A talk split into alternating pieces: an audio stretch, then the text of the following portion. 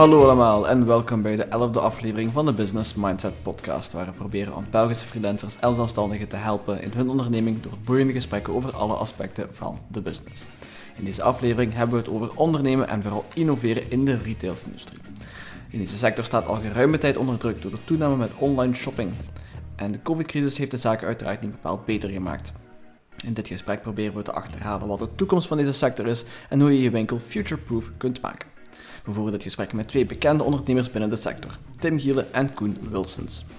Tim Giele is een voormalige store- en e-commerce manager die in 2019 de sprong heeft gewaagd als ondernemer. Met zijn bedrijf Wave of Engagement heeft hij als missie om een positieve wending te geven aan de toekomst van de fysieke retail door het inspireren rond en realiseren van winkels van de toekomst. Daarnaast is hij ook de host van de Team Retail podcast, waarbij hij zijn kennis en ervaring deelt met alle mensen in de sector. Koen Wilsels is een vroegere professionele loper die zijn roeping heeft gevonden in Runners Lab, de loopspeciaalzaak opgericht door zijn vader in 1980. Koen staat sinds 2009 aan het roer van Runners Lab en heeft sindsdien het concept uitgegroeid van 12 tot 45 werknemers in vier verschillende locaties verspreid over heel Vlaanderen. Voor meer informatie over zowel mijzelf als alle gasten kun je altijd terecht in de description van deze episode. Daar vind je opnieuw een korte bio als ook links naar de social media accounts waar je hen kan bereiken. Dat was het laatste van mij. Hope you enjoy the episode.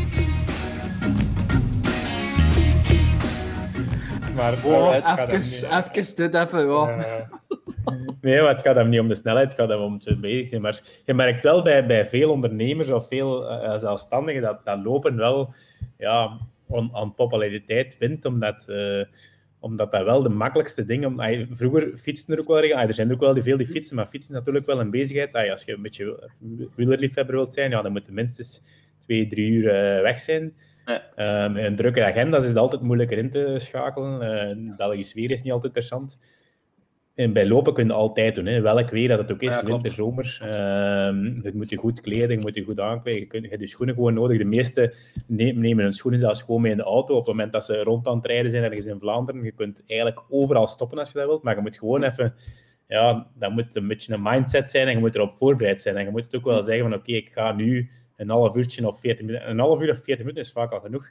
En de meeste mensen denken, van, ik moet dan direct anderhalf uur gaan lopen, of een uur gaan lopen, of ik moet, ik moet 10 kilometer, of ik moet 10 mijl lopen, of ik moet een halve marathon lopen. Nee, dat, in principe is, is, is, er zijn heel veel studies die bewijzen dat je met drie keer een half uur per week al een gigantisch eh, gezondheidsvoordeel maakt hè, op lange termijn. Hè. En dat is eigenlijk niet veel. Drie keer een half uur is eigenlijk niet veel. Hè. En Nee, dat is nee. zowel voor Dat lichaam als voor geest, want dat wordt toch het meest onderschat. Ik, ik heb, merk dat zelf in mijn eigen ook. Hè. Bij drukke periodes komt dat er soms ook niet van. In 2020 bijvoorbeeld heb ik heel weinig gelopen.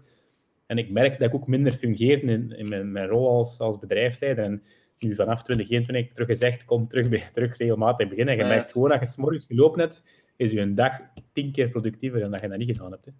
Dat is Ja, trouwens ook dat- nog dat van, is- de, van de, dat is een van de onderwerpen die ik in een van de volgende afleveringen ook nog wil, eh, wil doen. Mentale gezondheid, ook van, van ondernemers. Ja, maar dat is, dat En, is eh, en ja.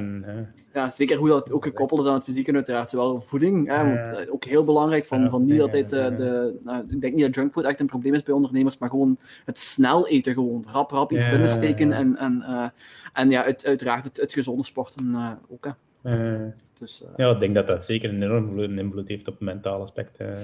Ja, inderdaad. En je merkt gewoon dat je minder... ik, eh, ik zei het net, hè, dat is periodes dat je echt te weinig beweegt. Zoals ik nu eigenlijk een beetje een periode eh, heb, dat, dat je op den duur, dat je bent met van alles bezig en dat je gewoon merkt dat het echt... Mm. Dat je trager redeneert.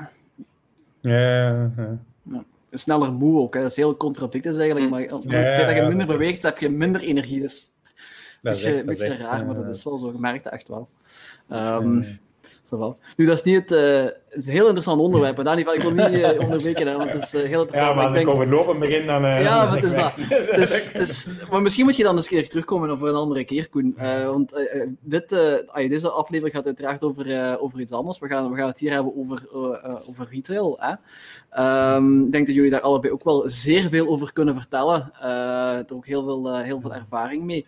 Ehm, een van de eerste dingen die, die ik eigenlijk wilde vragen over, over hoe dat. want we zitten in een rare periode als het, als het toekomt op, op retail. Zowel eh, omwille van COVID, hè, omdat eh, ja, veel winkels zijn dicht of lang dicht geweest alleszins. En anderzijds ook omwille van de digitale transformatie. COVID heeft daar uiteraard ook serieus aan geholpen. Eh, hij heeft dat, heeft dat versneld, ik zal het zo zeggen. Maar uiteindelijk, uh, het traditionele winkelbeeld, dat hebben we niet meer echt. Hè. Uh, kijk bijvoorbeeld naar Hasselt. Ik weet niet of jullie daar bekend zijn in, uh, in de Hasseltse winkelstraat en dergelijke. Die zijn zeer leeg tegenwoordig. Er is heel veel leegstand. Mm. En ik denk dat dat in andere steden ook, uh, ook veel te merken is. Dus ik wou eens even polsen zo, om, om te beginnen. Zo, misschien Tim bij jou beginnen, omdat je daar iets, iets meer in thuis bent, denk ik. Hoe, hoe dat het, de evolutie is de afgelopen twee, drie jaar, van, of pak nog de afgelopen vijf jaar van, van, van de winkels eigenlijk in, in België. Goh, ja, ik denk dat die evolutie wel helder is in, in die zin dat. Um, er gebeuren op verschillende, op verschillende lijnen gebeuren dingen. Je hebt een, een, generatie ondernemers die een beetje uithoofd, zal ik maar zeggen.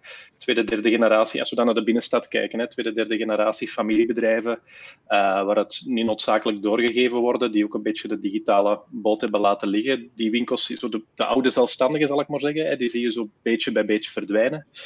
Uh, tegelijkertijd staan er wel heel veel ondernemers op, hè, jonge bedrijven die, die echt met toffe, sympathieke concepten zeg iets brood en bloemen, hup, direct een tof retailconcept, bloemen verkopen in een bakkerij. En die, die direct knappe dingen doen, maar die gaan dan vaak niet in de traditionele dure winkelstraten zitten. Omdat, ja, als we dan naar kijken, de, de, de winkelstraat, wat per definitie al een klein beetje in de nieuwe stad, maar ik denk dat dat een andere discussie of podcast is, ja, een, een beetje een woord is dat, ja, waarom moet het een, het is, het is, een, het is, een, het is een, een centrum waar winkelen, horeca, vrije tijdsbesteding werken, dat komt allemaal samen en je ziet dat heel veel evolueren. Maar het klassieke model dat alle winkels op één plek bij elkaar gaan zitten, um, is een beetje ja, door heel het online gebeuren. Daar zal Koen van alles over kunnen vertellen, want die is al heel vroeg. Uh, en, allee, die is al heel vroeg begrepen. Online en offline, dat hoort een beetje bij elkaar. Maar online is erbij gekomen. En dat betekent dat, ja, dat voor heel veel, uh, laten we zeggen, als je naar de evolutie kijkt. Uh, Um, het, het, inkomstenmodel is verspreid over. Vroeger zat het enkel in nu op verschillende kanalen verkopen. Um, en ja, sorry short, het is niet meer zo heel evident om gewoon te zeggen: um, ik ga daar een winkel lopen doen en ik ga daar business doen. Want je hebt je fysieke locatie, maar je hebt je een hele online rond. En ik denk dat vooral vandaag heel veel retailers zoekende zijn. Uh, hoe leg ik de relatie tussen die twee? Um, hoe kan ik er nu eigenlijk uh, voor zorgen dat uh, die winkel welke relatie heeft hij nog in heel dat online spectrum? Want online is lang afgehouden als een soort van ja, extra, uh, een extra oefening die we moesten doen. Ooit hadden we een website vanuit marketing, dan begonnen we het ook op te verkopen en uiteindelijk dat serieus. En nu is dat met COVID gevraagd wordt echt vertrokken. Online is geboomd tot en met. En nu krijg ik gesprekken over, maar die, dat, dat, is een kost eigenlijk. We moeten er zoveel mogelijk sluiten, wat ook denk ik niet de juiste reactie is. Um, en ik denk dat we nu echt in een transitiefase zitten, in een transformatiefase, zoals jij het zegt, waarbij dat we naar minder betere winkels gaan, uh, op de juiste locaties, die niet noodzakelijk de locaties van vandaag zijn. Um, en die voor een groot een heel business gaan sturen. Of dat nu offline of online is, die de beide gaan aansturen. Maar het klassieke winkelstraat, winkels bij elkaar en alleen maar winkelen, um, in de wereld die vandaag zich rond ontwikkelen, is dat, ja, dat denk dat we erbij zijn. Maar dat is niet noodzakelijk, allee, ik zie dat niet noodzakelijk als een bedreiging, maar vooral als zoals ik zei, jonge ondernemers die, die echt knappe concepten inzetten en die snappen van ja, als je online ook sterk bezig bent, je bent op social sterk bezig, dan kun je echt rond je persoonlijk merken een hele knappe winkel opbouwen en, en ook iets opstarten. Um, het is een tijd van kansen weet niet, Koen, jij hebt er misschien niet zo heel veel last van, omdat je meestal... Ay, jou, ik ken uiteraard alleen de winkel in, in Beringen. Dat is, uh, dat is de, de mhm. locatie waar ik, uh, waar ik naartoe ga. Uh, waar ik de mhm. laatste twee loopschoenen, of twee paar loopschoenen gekocht heb. Dus jij bent sowieso al meer uit die, uit die traditionele winkelstraat. Maar ik weet niet, misschien heb je daar ook al een evolutie in gemerkt in, in hoe dat jouw, jouw business benaderd wordt de laatste jaren. Ja, dat is sowieso. We hebben er al tien, tien jaar geleden eigenlijk een bewuste keuze gemaakt om in plaats van ehm, in een centrum te zitten, echt uh, naar destination shopping te gaan, omdat wij merkten dat wij ja, een product hadden uh, waar heel veel advies, heel veel ruimte voor nodig was ook. Uh, wat in stadcentra sowieso moeilijker, minder aanwezig is of het is heel duur. Um, en wij wouden ook veel beter bereikbaar zijn uh, dan met, met makkelijk, uh, veel parking uh, um, snel langs de snelweg. En dus daarom hebben wij tien jaar geleden al beslist met onze eerste hoofdvesting toen naar Zwijndrecht te gaan langs de snelweg. Dus in Zwijndrecht zitten we uh, langs de snelweg op de E17. Ehm, en toen hebben we eigenlijk al, altijd dat scenario verder gezet in onze andere winkels. Uh, Paul Beringen is ook langs de snelweg. Zaventem zit uh, vlak aan de snelweg. In Gent zitten we nu in de Gelamco Arena, maar dat is ook eigenlijk een destination shopping, want dat is ook ver van het mhm. centrum. Ah, ver. Dat uit het centrum. Um, en dat is echt een bewuste keuze, omdat wij echt, mensen komen naar ons echt voor een doelbewust advies. Um, en we willen graag dat mensen echt uh, naar ons komen op het moment dat ze ons nodig hebben en op het moment dat wij er kunnen zijn voor hen. Um, en niet zomaar passeren en, en ja, een beetje fun shopping. Uh, wat ook leuk is, maar in, onze, in ons artikel is het veel interessanter dat mensen echt komen voor ons, ons advies op maat. En wij doen natuurlijk uitgebreid testing, ook wat ja, niet meer zo makkelijk is als je zomaar passeert uh, of, of langskomt. Dus we hebben die beslissing al lang geleden gemaakt en, en ik denk dat dat... Uh, ja, dat er velen nadien ook zijn over beginnen nadenken, uh, dat het inderdaad het klassieke winkelbeeld niet meer zo evident is. Um, dus ja, dat is, ja, want, dat is een bewuste keuze. Ik moet heel eerlijk zeggen, ik wist eigenlijk ook niet dat het een winkel was. Want wij, ik heb familie in, in Geel wonen. En, en we gingen dan elke, elke week of elke twee weken gingen we dan naar Geel. En we kwamen daar eigenlijk elke keer langs door. Hè, want vanuit, vanuit de omgeving Hasselt ga je, dan, ga je dan daar naartoe. En ik wist eigenlijk niet eens dat het een winkel was. Je hebt daar die, die, grote, die grote voet die daar op, uh, op de zijkant van het gebouw staat. En je ziet het zelfs niet eens. Als je het niet eens weet, dan... Allee, tegelijk je zegt, je zou daar nooit toevallig even binnen, binnen springen. Dat, dat... Nee, nee, nee. nee. Dat, is, dat is inderdaad... Ja, dat is ja, om, om op te starten is dat soms iets moeilijker. Onze winkels, uh, om op te starten, wij, wij starten niet direct uh, en we hebben volle, uh, vol publiek of, of direct volle lijnen en afspraken. Ehm, dat is, dat is voor een opstart is dat wat moeilijker, want ze moeten nu leren kennen, ze moeten naartoe komen. maar eens dat die opstart gemaakt is, is dat wel, vind ik zelf, veel efficiënter en, en ga je veel ehm, ja, veel optimaler kunnen werken in ons, in ons gebied natuurlijk. Uh, bij ons, we hebben een conversierate van ongeveer 98 à 99 procent. Ja, dat gaat in niet veel winkels vinden natuurlijk. Uh, dus ja, dat, dat, maakt ook wel dat, dat, wij hoog kunnen inzetten op ons personeel. Wij, werken enorm, wij zetten enorm hard op uh, opgeleid personeel. Wij doen heel veel rond team runnerslap, noemen wij dat dan ondertussen. Wij, dat, groeps, dat groepsgevoel, um, het teamgevoel van het personeel. Dus we kunnen ook wel meer investeren in hen op het moment dat die conversierate hoger is natuurlijk. Hè. Als, het, als we heel veel mensen zouden moeten hebben om, om de toevallige passeerders of toevallige voorbijgangers te moeten helpen of te moeten ja, um, ja, te hulp schieten, gaat dan natuurlijk wel kost en, en, en opbrengst uh, gaat dan uit balans natuurlijk. Um, en wordt dat een moeilijker verhaal. Um, het is daarom dat we die bewuste keuze hebben gemaakt. En ja, we, onder, ondertussen werken we ook zelfs sinds COVID um, volledig op afspraak. Wat als retail helemaal uh, misschien wel ook wat gewaagd is. Uh, maar we hebben, we gedacht, we hebben, dit is het moment ervoor, uh, we kunnen dat nu eens proberen. En we hebben er super goede reacties op gehad en we gaan dat waarschijnlijk... we waren eigenlijk al voordien, voor de COVID, we waren eigenlijk in, november 2019 begonnen met een appontwikkeling die eigenlijk afspraken en module ging hebben om deels afspraak en deels uh, vrij ingang te verwerken. Um, en dan hebben we gezegd met de COVID, uh, met de opstart in 11 mei of ik weet niet, 12 mei was het, uh, gaan we ineens volledig op afspraak. Uh, hebben we volledig omgetuned in die lockdown. En um, vanaf sindsdien hebben we eigenlijk, ja, zijn we altijd volledig op afspraak beginnen werken. En we hebben gezien dat dat supergoed werkt en we gaan dat echt behouden. We gaan echt volledig erop inzetten. Um, en dat wordt, ja, dat is helemaal ja, personal shopping next level natuurlijk. Want ja, je kan niet, dan kan je helemaal niet meer zomaar binnenlopen. Dus het is echt wel personal shopping.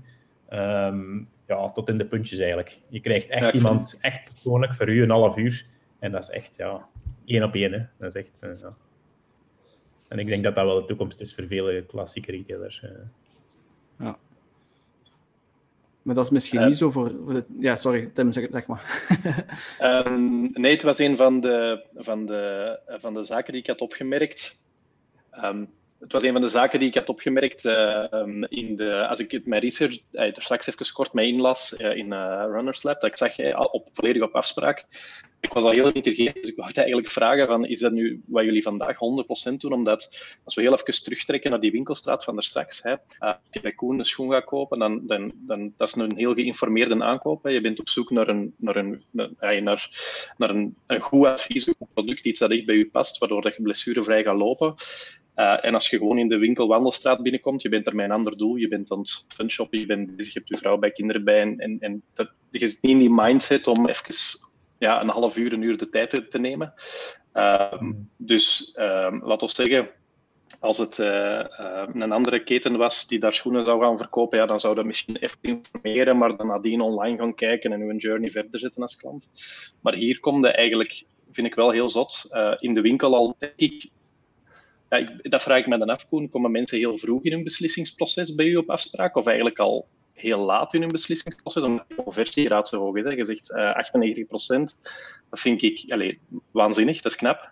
Um, Uh, ik weet, uh, ik heb uh, ooit in de winkel op de Mer gestaan voor Boze. en dan hadden wij, laten we maar zeggen, targets op, om, op de conversieratio, om zo, zoveel mogelijk mensen die mhm. binnenkwamen met, met, met een spreek of een hoofdtelefoon naar huis te sturen.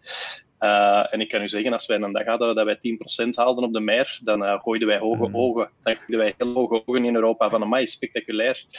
Uh, omdat je dan natuurlijk heel veel passagetoeristen, mensen hebt die totaal niet klaar zijn voor een, voor een aankoop van een bepaalde dag. Terwijl jij spreekt hè, over boven de 90%. Dus mijn vraag aan jou is, als dat oké okay is, is wie, um, zijn mensen doorgaans echt al heel ver in hun beslissingsproces, of is het eerder heel vroeg? Meestal heel vroeg, hè, um, omdat wij net echt een adviesorgaan zijn. Hè. Wij zien eigenlijk, ja, wij eigenlijk zien wij ons meer en meer als een dienst en minder als, als een winkel. Um, want wij bieden eigenlijk een half uur service aan. Um, en daaruit volgt een schoen of eruit volgt een kledingstuk of er volgt een sok of een accessoire. Meestal een schoen wel, in ons geval.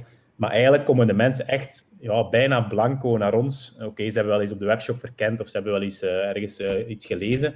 Maar eigenlijk is, ja, schrapen wij dan, dan meestal een beetje weg, want wij we willen eigenlijk van nul beginnen. Um, we willen echt um, die klant leren kennen. Wij gaan echt in gesprek daarmee, uh, vijf minuten gesprek, uh, diep gesprek over wat ze allemaal doen, uh, welke blessures. En dan gaan we echt effectief blootvoets, zonder schoenen, echt testen op onze footscanstrook. Dus we hebben een 30 meter loopstrook. Um, en dan, dan, pas, dan pas komt eigenlijk ons advies. dus wij willen zo, ja, zo vroeg mogelijk beginnen. Uh, en van dan af gaan we opbouwen naar, naar type schoen dat, dat eigenlijk bij hun past. Uh, ik vergelijk dat meestal met een soort trechtervorm. Uh, wij maken geen schoen op maat, wat soms wel wordt gedacht van ons. En er wordt soms verhalen verteld, ja, een schoen kost er 300 euro, want dat wordt op maat gemaakt. Ja, dat zijn allemaal fabeltjes. Uh, maar wat wij hebben is, wij, wij hebben een heel breed gamma, een heel diep gamma van, van de beste loopschoenen die er zijn. Wij selecteren niet op voorhand, wij testen niet op voorhand. We hebben ongeveer een honderdtal modellen en ik stel dat meestal voor als een trechter van die 100 modellen gaan wij eigenlijk zorgen dat voor u persoonlijk die twee, drie beste modellen eruit komen. Um, en dat is heel afhankelijk van uw looptype, uw gewicht, uh, welke ondergrond dat je loopt. Dat is heel specifiek voor u afhankelijk. Dus de persoon naast u, die misschien evenveel loopt en misschien evenveel weegt, gaat wel misschien drie andere type schoenen krijgen dan jij. Um, en zo gaan we eigenlijk te werk, zo, zo persoonlijk mogelijk te werk gaan. En dat denk ik, dat is, uiteraard zijn we een heel specifiek model en, en we werken een beetje biomechanisch en loopschoenen is ook wat biomechanisch. Maar ik denk ook wel dat je dat ook naar andere retailsectoren deels kan doortrekken.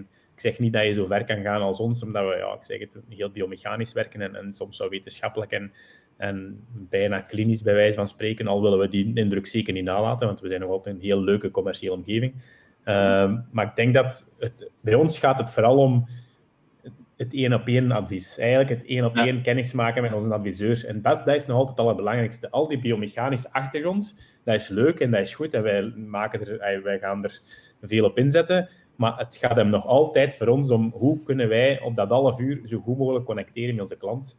Um, en dat werkt nu supergoed op afspraak. Want mensen ja, weten, oké, okay, ik heb dit half uur. Nu is dat heel duidelijk. Vroeger was die service ook al duidelijk en die was er ook. Maar soms kreeg je een kwartiertje, soms kreeg je het 40 minuten, soms kreeg je wat langer. Um, en het, was, het werd ook een beetje als ja, vanzelfsprekend.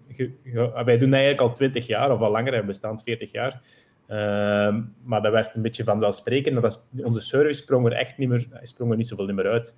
En nu met, die, met het afspraaksysteem wordt dat natuurlijk wel heel hard benadrukt. Hè, want je, ja, je krijgt echt iemand, ja, zeg het, iemand persoonlijk voor u, een half uur. Hè. En, En wat, wat je hem ook vraagt, eh, ja, hij gaat antwoorden en hij gaat, we gaan in conversatie gaan en we gaan voor u een oplossing vinden en, en een product aan.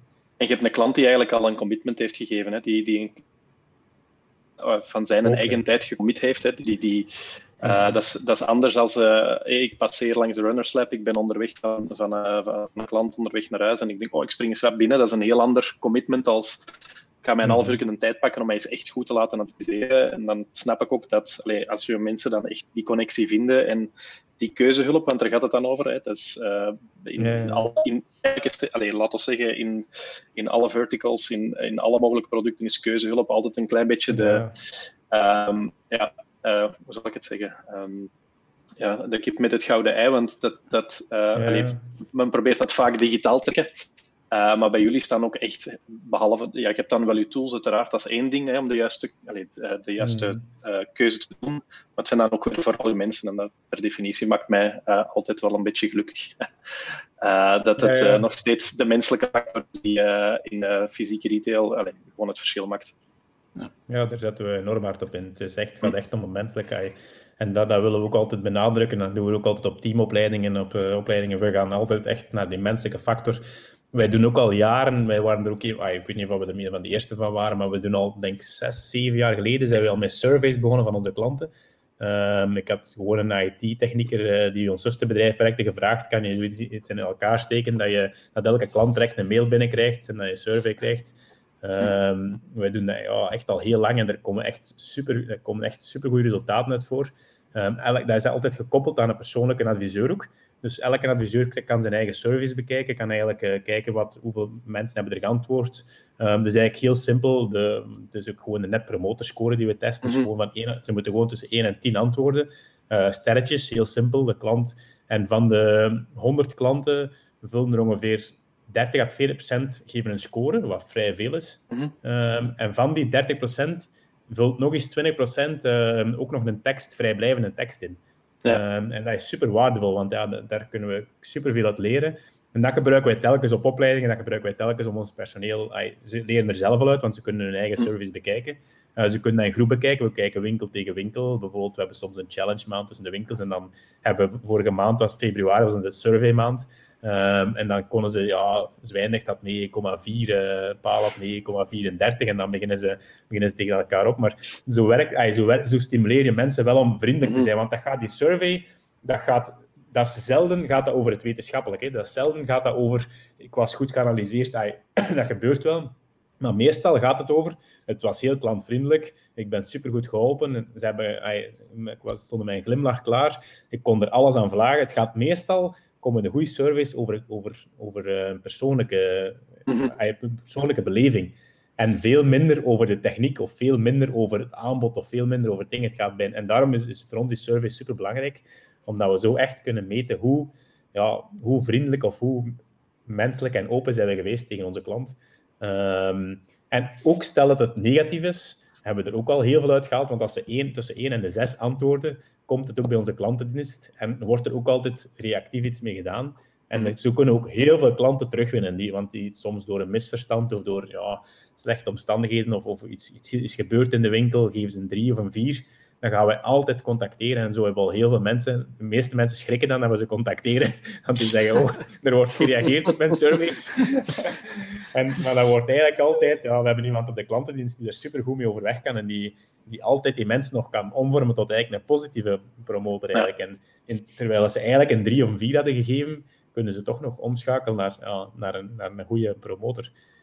En, dus, en, ja, dus, dat is, uh, ja, die, dat is, ja, die, wij scoren enorm hoog op, uh, op, op zo'n netpromoter scoren, maar dat geeft gewoon ook heel veel, uh, heel veel feedback en heel veel kracht aan je team om zo verder te blijven doen. Want ze kunnen het ook, ja, het wordt ook op papier bewezen dat ze goed bezig zijn. Hè. ja, en dat, dat heeft een, een, een, sorry, dat heeft een, allee, per definitie een weerslag resultaat. Je merkt als, het, als de scores goed zijn, allee, de, de, de klanten tevreden zijn, dat de, de mhm. resultaten van de winkel volgen. Uh, dat is effectief. Uh, uh, en ik, vind, ik wou heel even aan inpikken, omdat je zei, de mensen schrikken dan dat er effectief iets mee gebeurt. ik vind dat tof dat je dat zegt, want ik denk dat dat een van de dingen is die vandaag heel vaak misgaat in alles wat we gaan meten om te meten. Er is, op een bepaald moment is er zo een beetje rond customer experience in general een soort van hype geweest. We gaan NPS meten, we gaan customer satisfaction meten, we gaan je kunt, x, je kunt veel scores meten, ja. uh, maar dan op de duur werd het een beetje de sport van te meten om te meten, waarbij dat je dan, uh, als je bij de garagist iets gaat doen, van uh, u moet een 9 of een 10 geven of krijgen, slecht, ja. of, dat soort zaken. Maar het toffe is dat je zegt van, ja, um, we doen er ook effectief iets mee. uh, bij Bpost doen ze het ook uh, allez, regelmatig. Ik geef maar een voorbeeld, maar Bpost is zo regelmatig een survey. En als je dan een score geeft, ja, dat verdwijnt zo. Mm. Whatever, er gebeurt niet op klant niet het gevoel dat er effectief iets mee gebeurt. En wat jij doet, vind ik heel tof. En ook dat jullie het lang zijn. Hoe lang doen jullie het ongeveer al? Goh, ik denk zeven jaar of zo, denk ik al in de survey. Top, top. Ik zie dat, dat, dat, dat voor de laatste twee, drie jaar zo echt bij, bij, bij collega's van u echt structureel opduiken, tot op het niveau bij Polestar. Dat is wel, uh, dus op hun Polestar, die, zitten, ja, die hebben een conversie van nul in de winkel uh, of in de showroom, want die verkopen geen auto's uh, in de hmm. showroom. Hè, die, dat is enkel, je kunt ze beleven, maar je kunt enkel online bestellen achteraf. Nee. Uh, maar die hebben dan een lanyard hangen met een QR-code. En na het gesprek is het van, ja, zou, even, zou u de, de QR-code scannen en even kort de survey invullen. Um, om gewoon te laten weten hoe het was. En dan zie je ook wel dat die dat dan ook weer gebruiken om elke ochtend op de teammeeting zo de extreme, de topscores en de scores die minder mhm. waren, even in het team vast te pakken en iets mee te doen. Dat is zeer, allez, gewoon nuttig, gewoon top. Dus, uh, ja, maar dat werkt, werkt heel goed. Dat kan ik iedereen aanraden. Als je een goed systeem hebt, want dat moet natuurlijk wel goed binnenkomen en moet goed werken. Uh, ja, dat zijn twee heel interessante dingen wat je daar zegt, hè, Koen. Uh, ten eerste, dus wat je, wat, je, net zegt, het moet efficiënt zijn, klopt. Dat is een quote van, van hmm. Bill Gates. eigenlijk zelfs een van de weinige quotes die ik ken van Bill Gates, want uiteindelijk dat is een heel, heel man, een man waar je eigenlijk weinig of niks over hoort, dat zij het gaat over vaccinaties. tegenwoordig is dat heel hot. maar dus, een van de weinige quotes die ik ken van Bill Gates is, um, ik weet niet juist hoe de quote gaat, maar het gaat in de trend van als je iets optimaliseert wat inefficiënt is, dan wordt het inefficiënter. Mm. Terwijl als je iets, iets, iets automatiseert wat efficiënt is, wordt het testen uh, uh, efficiënter. Mm Wat heel interessant is, want uiteindelijk, ja, als je... En dan komt terug op hetgeen wat we daarnet zeiden. Um, uh, meten om te meten is altijd slecht. En zeker als je je gaat concentreren op de foute metric. Wat we dan eigenlijk gaan proberen te doen, wat we heel vaak zien, is proberen om die metric te verbeteren. Terwijl dat misschien niet hetgeen is dat de klant of de service vereist, wat de, wat de service beter maakt eigenlijk. En dat is, dat, is, dat is heel gevaarlijk. En ik ben heel blij dat Tim uh, dat juist even aanhaalde, want, want allee, meten is goed, maar je moet wel het, het juiste meten. Uh, en, en zorgen dat hetgeen dat je meet en, en waar je dan ook effectief op gaat werken, dat dat ook effectief meerwaarde heeft voor, voor klanten en, business in general natuurlijk. Dus ik vind het heel, heel, heel, heel belangrijke dingen dat, dat, we die, dat we die naar boven kunnen, kunnen brengen. -hmm. Um, ik wil eens even, eens even checken, uh, Koen. Uh, als, jouw ouders zijn de, de winkel begonnen, correct? Ja, mijn vader ja. is in 1980 begonnen, dus uh, ehm, 40 jaar geleden. Ja. Wanneer, wanneer is dat, dat, dat uniek concept wat je, wat je toch wel hebt, denk ik, uh, met, met de, de ja, juist had je de naam gezegd, het ontstaat me even, met de Runners Lab effectief, ja, dat je, dat je de voetscan en weet ik veel wat doet. Wanneer is dat eigenlijk erbij gekomen in, in de winkel? Eigenlijk al, al veel vroeg. Uh, op dat gebied was mijn vader misschien, ik, ik zou niet zeggen visionair, maar hij was wel er heel hard mee bezig. Uh, want hij heeft zelf dat plaatje ontwikkeld in 85. Uh, ehm, heeft, uh, dus, hij, hij, vond op dat moment, ehm, hij, is eigenlijk, hij is eigenlijk elektronicus van achter, achtergrond, maar omdat hij zelf een fanatiek loper was en veel geblesseerd was, Um, wou hij eigenlijk mensen blessurevrij aan het lopen houden, omdat hij dat zelf vaak last had. En op dat moment waren er niet heel veel merken mee bezig. Um, en hij zocht een, een meetapparaat om, om dynamisch te meten. Want de meeste meetapparaten in die tijd meten statisch. Je ging op een, op een moes staan of je ging een gips staan uh, om steunzool te maken of whatever, maar was altijd statisch. Dus je ging gewoon staan. Maar hij zei dat klopt ergens niet, want ja, je beweegt en, en tijdens een beweging mm. is toch anders dan een statische meting. Dus hij wou iets bewegend hebben en dan heeft hij zelf, uh, als, als elektro, hij heeft dan ondertussen, ondertussen had hij wat biomechanica bijgestudeerd, um, had hij gezegd van oké, ik wil iets hebben dat, dat dynamisch kan meten. Had hij eigenlijk een, een, ja, een drukplaatje in, in, in zijn winkelvloer verwerkt. Dat was toen nog maar een half meter op een half meter, uh, met, met maar 200 sensoren of zo. Met, en dat was dus een oud Mac-computertje nog, van die eerste Mac-computertjes nog, uh, of Apple-computertje was dat in de tijd, um, waar je eigenlijk een aantal drukmetingen op kon zien en eigenlijk een dynamische meting kon maken. Dat was al in 85. En dan heeft hij nadien in de jaren 90 naar een, een ingenieursbedrijf gestapt uh, om dit echt verder te ontwikkelen met, met ja, hogere, hogere snelheid, meetsnelheden, hoger, veel meer druksensoren. Nu, zit er, nu werken we met 2 meter platen die 15.000 sensoren hebben. En die 500 hertz per seconde meten, dus hij meet heel veel beelden per seconde. Um, en dat bedrijf is eigenlijk, dat is hij, heeft hij verder beginnen doen. Uh, en dat is een zusterbedrijf geworden. Dus eigenlijk had je de Runderslap waren dan de winkels. Uh, en RS Can was eigenlijk de, de firma die dan de platen maakte. En die dan ook wereldwijd verkocht werden. want die, die zaten eigenlijk in een niche-markt. Ehm, en in die niche-markt waren ze een van de marktleiders in de hele wereld zelfs. Um, ondertussen is het bedrijf wel, mijn vader is op, is op pensioen gegaan op, op het einde en uh, hij heeft dat bedrijf verkocht.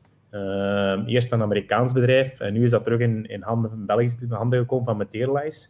Uh, omdat ze vier, vijf jaar geleden uh, begonnen waren met um, de foodscan te combineren met 3D-geprinte zolen. Um, en dan is Materialize er toen bijgekomen. Um, en nu heeft Materialize de hele, het hele zusterbedrijf overgenomen. Um, waardoor dat zij de scanplaten, de scanplaten worden nog altijd in Beringen gemaakt. Dus die worden in Beringen gemaakt in het gebouw. Dus dat gebouw is eigenlijk helft, helft van Runderslap en de helft van RSK nog.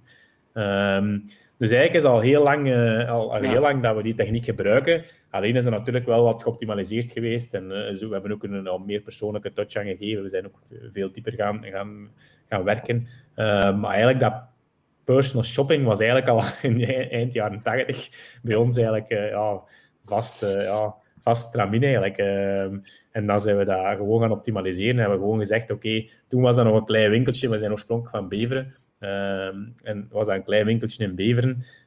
en dan kwamen, kwamen de mensen van, van overal in Vlaanderen toen, uiteraard op kleinere schaal. En toen was bij mij van, bij mij is een optiek geweest, mijn vader was heel goed biomechanisch.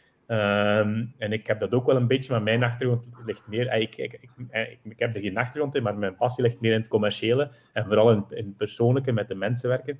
Um, ik heb ook gezegd van ja, kijk, het is allemaal wel goed en wel dat we in Bever zitten en de mensen van overal heel Vlaanderen rijden, maar hebben maar, ja, we kunnen maar duizend klanten uh, helpen per jaar. Dus je hebt een fantastische techniek um, en je werkt supergoed persoonlijk één op één. Maar hoeveel Vlamingen kunnen het permitteren om te komen naar Beveren, of all places, uh, om er naartoe te rijden? En dan heb ik gezegd, ja, wij moeten gewoon... We hadden heel veel klanten bijvoorbeeld uit Antwerpen toen. Ja, wij moeten gewoon dichter bij Antwerpen, we moeten gewoon dichter bij de snelweg zitten. Um, en dan, toen dat ik in 2009 heb overgenomen, heb ik ook direct een plan gemaakt van, kijk, um, ik wil over heel Vlaanderen binnen het half uur à 40 minuten bereikbaar zijn, op zijn minst. Um, en had ik een kaartje getekend van Vlaanderen, waar ik eigenlijk een aantal winkels wil zetten toen was dat uiteraard stap voor stap. Maar de eerste was de herlocatie van de hoofdvesting naar Zwijndrecht, omdat we dichter bij Antwerpen moesten zitten. En daar liggen we vlak aan de snelweg eigenlijk. Uh, en toen op dat moment ja, was, was heel Antwerpen bereikbaar. Ja, binnen een half uur toen waren de files, vielen toen nog mee. Um, en dan hebben we ja, Gent, Gent hadden we al een klein winkeltje, maar dat hebben we dan uitgebreid. Um, dan Paalberingen voor Limburg dan te hebben en de Kempen. En dan Zaventem is in 2015 ook binnenkomen. Dan hadden we eigenlijk een vierhoek van Vlaanderen. En nu zijn we ja, stilaan met de files moeilijker en moeilijker bereikbaar. Dus nu gaan we in september gaan we een vijfde vesting in Deurne openen, in Oost-Antwerpen. Wat eigenlijk niet zo ver van Zwijndrecht is, maar omdat we merken in de realiteit is dat half uur dat ik voor ogen had. Ja, als je van Braschaat wilt komen, uh, op een zaterdag zijn er op 20 minuten, maar in de week ja, er tegen, ah, nu, nu is het toch beter met de COVID, maar in realiteit zijn er niet meer op 20 minuten van Braschaat, bij wijze van spreken, naar, uh, naar Zwijndrecht. Dus hebben we gezegd, oké, om die doelstelling terug te halen van dat half uur, moeten we ook Oost-Antwerpen gaan hebben. Um, en er zijn nog wel een aantal opties uh, die we aan het bekijken zijn in Vlaanderen voor nog een beetje verder te gaan kijken. Maar um, de doelstelling was altijd dat we eigenlijk aan heel Vlaanderen op zijn minst um, onze service kunnen aanbieden. Uh, en dat iedereen ervan kon proeven. En nu zitten we ondertussen aan ja, vorig jaar 58.000 klanten. Die unieke klanten die bij ons gelangs geweest zijn. Dus ja, we hebben al veel meer bereikt dan vroeger natuurlijk. En, en we hebben die geprobeerd zoveel mogelijk dat persoonlijke van mijn vader ooit had, uh, één op één te behouden met, met ons team en ons team Runderslap, dat we zoveel mogelijk op inzetten. Um, en dat we ja, met onze 45 mensen ondertussen nog altijd die persoonlijke ja, visie van toen kunnen handhaven, maar dat wel in een moderner jasje, in een, ja, een veel meer eh, shopgehalte. Want vroeger, ja, mijn vader was ook niet zo bezig met kleding en, en dat was allemaal maar, ja, dat kwam er allemaal wel bij, maar dan moest hij zo modegevoelig zijn. Uh, dat was al, als een, loper ging maar lopen in iets uh, technisch. Maar nu is dat allemaal, zijn onze winkels echt wel, ja, als je erin komt, uh, een, het walhalla voor de loper, zal, ik maar zeggen. En je komt binnen, je hebt direct het gevoel, je kan hier alles krijgen voor een loper, van de kleinste accessoires tot een heel belangrijk item, de sport voor dames. We hebben een heel breed gamma in. Um, dus het gaat, het gaat, heel ver en heel diep in alles wat met lopen te maken heeft. Um, en we zijn meer en meer ook gespecialiseerd. Want mijn vader deed ook bijna alle sporten nog vroeger. Want ja, vroeger was dat zo. Als je een sportwinkel had, dan deden we voetbal, dan deden we indoor en dat deed wat dingen. En meer en meer merkte ik van oké, okay, we moeten dingen afstoten. We hebben uh, indoor heb ik twaalf jaar geleden denk ik, beslist van ja, dat moet, dat moet weg. Ook al hadden we nog wel veel volleyballers die bij ons kwamen. dus ik, dat, dat, dat gaat niet meer. Dan hebben ja, eigenlijk enkel nog wandelen en lopen overgegaan. En ook wandelen is, staat onder druk bij de, de, de, klassieke wandelschoen, omdat dat ook nog iets te ver is. We zijn nu een nieuw soort wandel aan het uitvinden. Dat gaan we dit jaar nog lanceren. Um, maar, maar dat echt, echt specialisatie is. En, en dat, dat is soms lastig, want ja, op dat moment, als je indoor schrapt, spreek, sprak je misschien ook makkelijk van een 1000 à 1500 schoenen per jaar. Um, en sommigen zeiden, oh, gaat dat toch niet laten vallen, ze komen naar ons. Ik zeg, ja, nee, je moet echt specialiseren. Um, dus we hebben ons meer en meer gespecialiseerd echt tot, tot een niche, al is running een niche natuurlijk, maar wel echt ja, één specialisatie en er volledig voor gaan. Um, en ik denk dat dat ook belangrijk is voor, voor velen, dat je echt je moet gewoon soms moeten kansen laten liggen, omdat je, ja, je kan niet alles goed doen, of je kan niet alles heel goed doen. Uh, en het is echt nodig in deze tijd om alles heel goed te doen. Uh, en, en dan moeten gewoon dingen laten liggen die op het einde iets kunnen opbrengen. Uh, want ja, mijn, vader, mijn vader was bijvoorbeeld over laatst uh, beginnen, beginnen padellen. en ik speel ook wel eens over laatst. En, en hij zei tegen mij, oh, ik kan hier via via bij Adidas padelraketjes geraken. En en, en dat, is, dat is hip en dat is de snelst groeiende sport. Kunnen we dat niet gaan aanbieden? Ik zeg nee. Ik zeg, ja, dat, we zouden dat kunnen, maar we gaan dat niet doen. en, dat, en, dat zou, en dat zou waarschijnlijk op korte termijn opbrengen, want er zijn inderdaad weinig aanbieders die dat hebben. Maar dat mogen we gewoon niet doen. Je moet gewoon bij, ja, je moet dan gewoon even denken van, kijk, wat is onze, onze missie, wat is onze visie? En blijf er even vaststaan. Ook al klinkt het eventjes mooi in de oren, maar dan moet even zeggen van, kijk... Uh, dit is onze core business. En, en, en heel simpel, schoenmaker blijven bij je leest. Het is heel toepasselijk bij ons. Ehm, ondanks dat je wel jezelf moet heruitvinden, uiteraard. Maar ehm, ik denk wel dat je dat altijd moet doen in, binnen, ja, binnen iets, een keuze die je gemaakt hebt en waar je echt uh, volledig achter staat, denk ik. Ik ben daar uh, echt uh, volledig in mee, omdat het is echt kiezen wie wilde zijn voor welke klant en daar je keuzes rond maken en waar wil ik, waar wil ik voor bekend staan.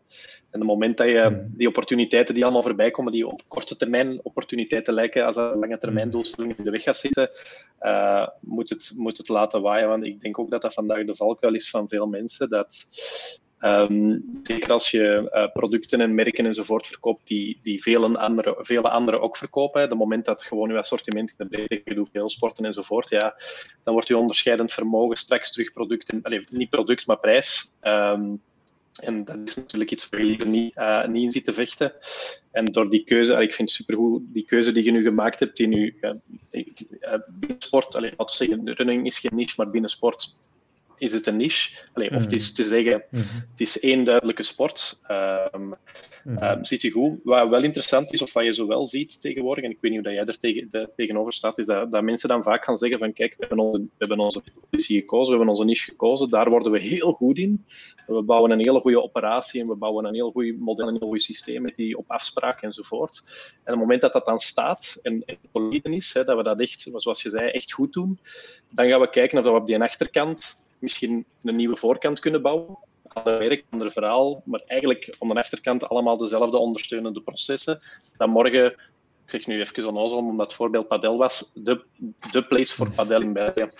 Uh, en daar merkte wel dat uh, zeker wat grotere retailers zo binnenkijken. En allee, dat komt zo'n beetje een corporate wereld, maar zo wat experimenteren met innova innovatieteams of uh, experimenteren met kleine start-upjes binnen het bedrijf. Een projectteamje dat dat dan mag gaan proberen in een pop-up of in iets anders. Mm.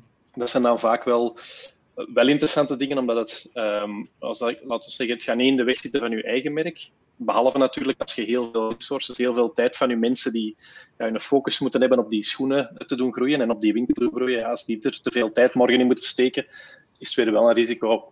Uh, dus allee, laten we zeggen, beide pistes zijn mogelijk. Maar ik, weet niet of dat, dat, dat um, iets is waar jij gelooft dat in de toekomst wel zou kunnen? Of zeg je nee, we gaan altijd dat pakken en we gaan daar gewoon groter in worden? Ja, dat, dat, ik denk dat het. Ja, je kunt zeggen nooit, nooit natuurlijk, maar uh, ik denk dat, dat ik ook wel voor mij persoonlijk gewoon. Ja, we zijn nog altijd een familiebedrijf. Uh, dat is, uh, het bedrijf is voor, nu volledig in mijn handen. Um, je moet ook op een gegeven moment ook keuzes maken voor je persoonlijk en zeggen van kijk, hoe ver wil ik in iets gaan? Um, we hebben al aanbiedingen gehad uh, uit Dublin, uit Londen, uh, uit Amsterdam. Uh, van echt klanten die vandaar komen en van ja, kunnen we niks zo is, zoals jullie opstarten in het buitenland, want ook in het buitenland staat, is dat nog niet echt zo verregaand. En dat, dat is aanlokkelijk en dat is soms dat is flatterend, maar op een gegeven moment moet je ook denken van ja, wat wil ik nu persoonlijk?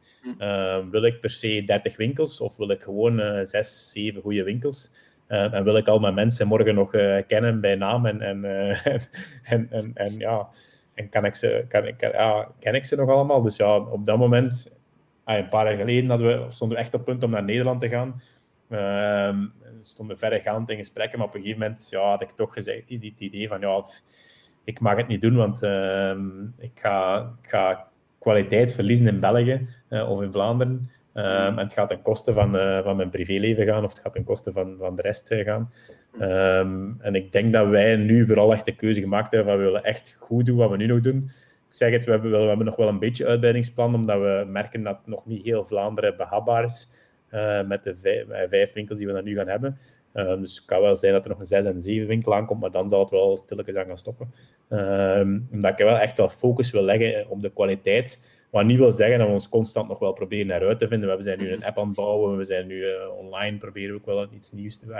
We proberen er wel wat innoverend te zijn, maar um, het is gewoon uitbouwen en, en vooral ja, vernieuwen wat we nu hebben.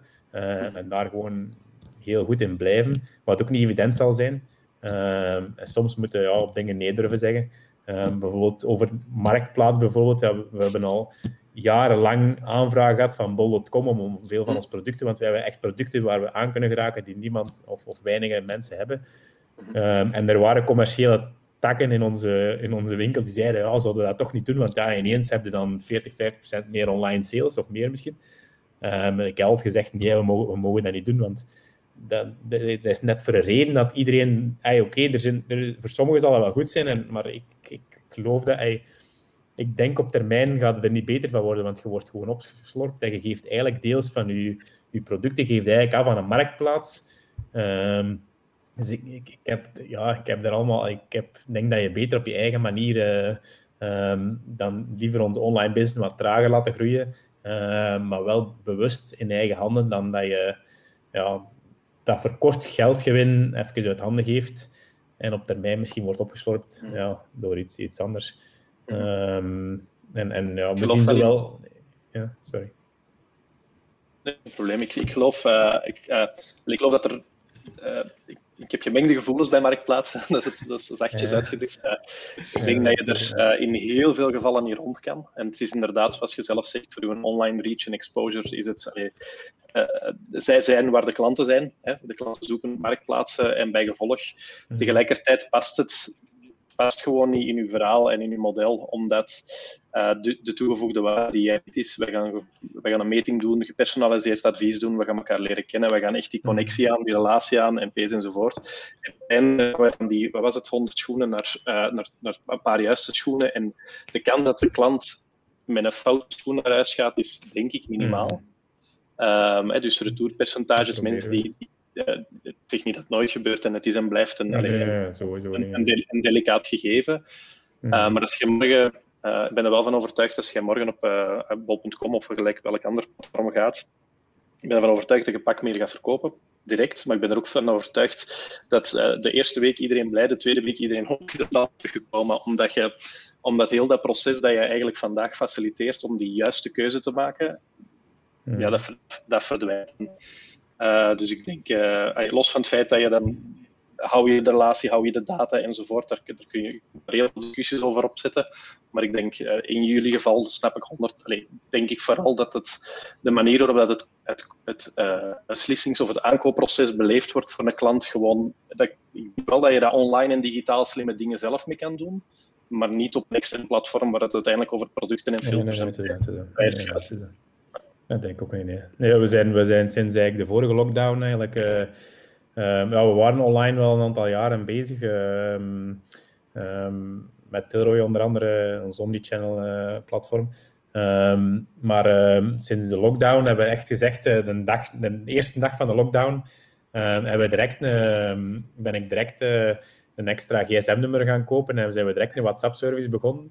en hebben we eigenlijk de eerste, eerste hele lockdown met uh, tien van onze mensen Um, hebben we direct, iedereen was direct, we waren direct heel veel vrijwilligers.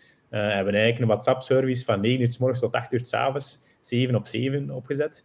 Uh, mm gedurende, gedurende de hele lockdown. Dat was super druk, dat was niet normaal. Uh, we hadden soms echt 250 klanten per dag uh, op die WhatsApp, dus dat was niet normaal druk. Maar daardoor konden we wel ons persoonlijk advies via WhatsApp eigenlijk verlengen van wat we in de winkel deden. Dat heeft echt super goed gewerkt. Um, je, kon, je kon echt ja, dezelfde vragen stellen als in de winkel. Uiteraard, we konden het biomechanische niet doen, maar we konden wel dezelfde vragen stellen. We konden zelfs eens een foto vragen van een voet. Uh, je kon dus een foto vragen van een oude schoenen. Um, je kon er eigenlijk via die WhatsApp, omdat er, echt, er zat echt iemand figuurlijk achter. Het was geen een chatbot, of het was echt iemand, een adviseur uit de winkel, stond, zat echt achter de computer. Um, en kon echt heel persoonlijk gaan. En hebben eigenlijk zo heel veel schoenen verkocht. En er eigenlijk heel weinig retours van gekregen ook. Uh, achteraf. Um, en dat, is, dat is eigenlijk, heeft super goed gedraaid, omdat we dat persoonlijk konden doortrekken. Dus dat kan ik iedereen aanraden die in de retail zit, zo van WhatsApp. Zo, we doen het nog altijd trouwens. Um, nu is het wel rustiger. Ah, nu is het, komt er meer, is het meer informatief en is het niet meer zoveel advies, omdat de winkels terug open zijn. Mm -hmm. Maar toch, we hebben toch nog altijd pakt, ja, rond de 50, 80 à 100 klanten per dag die berichten sturen naar die WhatsApp. En, en er zit nog altijd iemand persoonlijk achter. Nu is het tussen 9 uur 30 en 6 uur. Het is een beetje beperkt en de zondag doen we ook niet meer. Uh, maar voordien, ah, soms zou ik met zondag, zondag er nog wel eens mee bezig. Maar, uh, maar, maar voordien was het echt, in die lockdowns was het echt 7 op 7. En, en daar, was, ja, daar hebben we super goede reacties op gehad. En, en ik, merk, ik heb een aantal ondertussen ook al eens een aantal WhatsAppen van grote bedrijven getest. Want veel grote bedrijven doen dat ook nu. En ik kan zeggen, ik heb nog altijd geen ene zo goed gevonden als die van ons. Zonder complimenten. En heel vaak, heel vaak ja, doen mensen dat in het weekend of doen mensen dat op een avond. Um, en bij ons krijg je ook een automatisch bericht terug. Um, maar we pakken dat altijd nog op de dag erachter. Mm. En bijvoorbeeld bij een Hello Fresh of bij, waar ik het al getest ja, ik heb er nog een aantal grote getest, waren ze soms gewoon mijn vraag van in het weekend vergeten. Dan denk ik, ja, mm. moest ik die opnieuw stellen? En dan was dat, dan was dat eerst een chatbot en die stuurde dan door naar wel, er kwam, uiteindelijk kwam er wel iemand persoonlijk.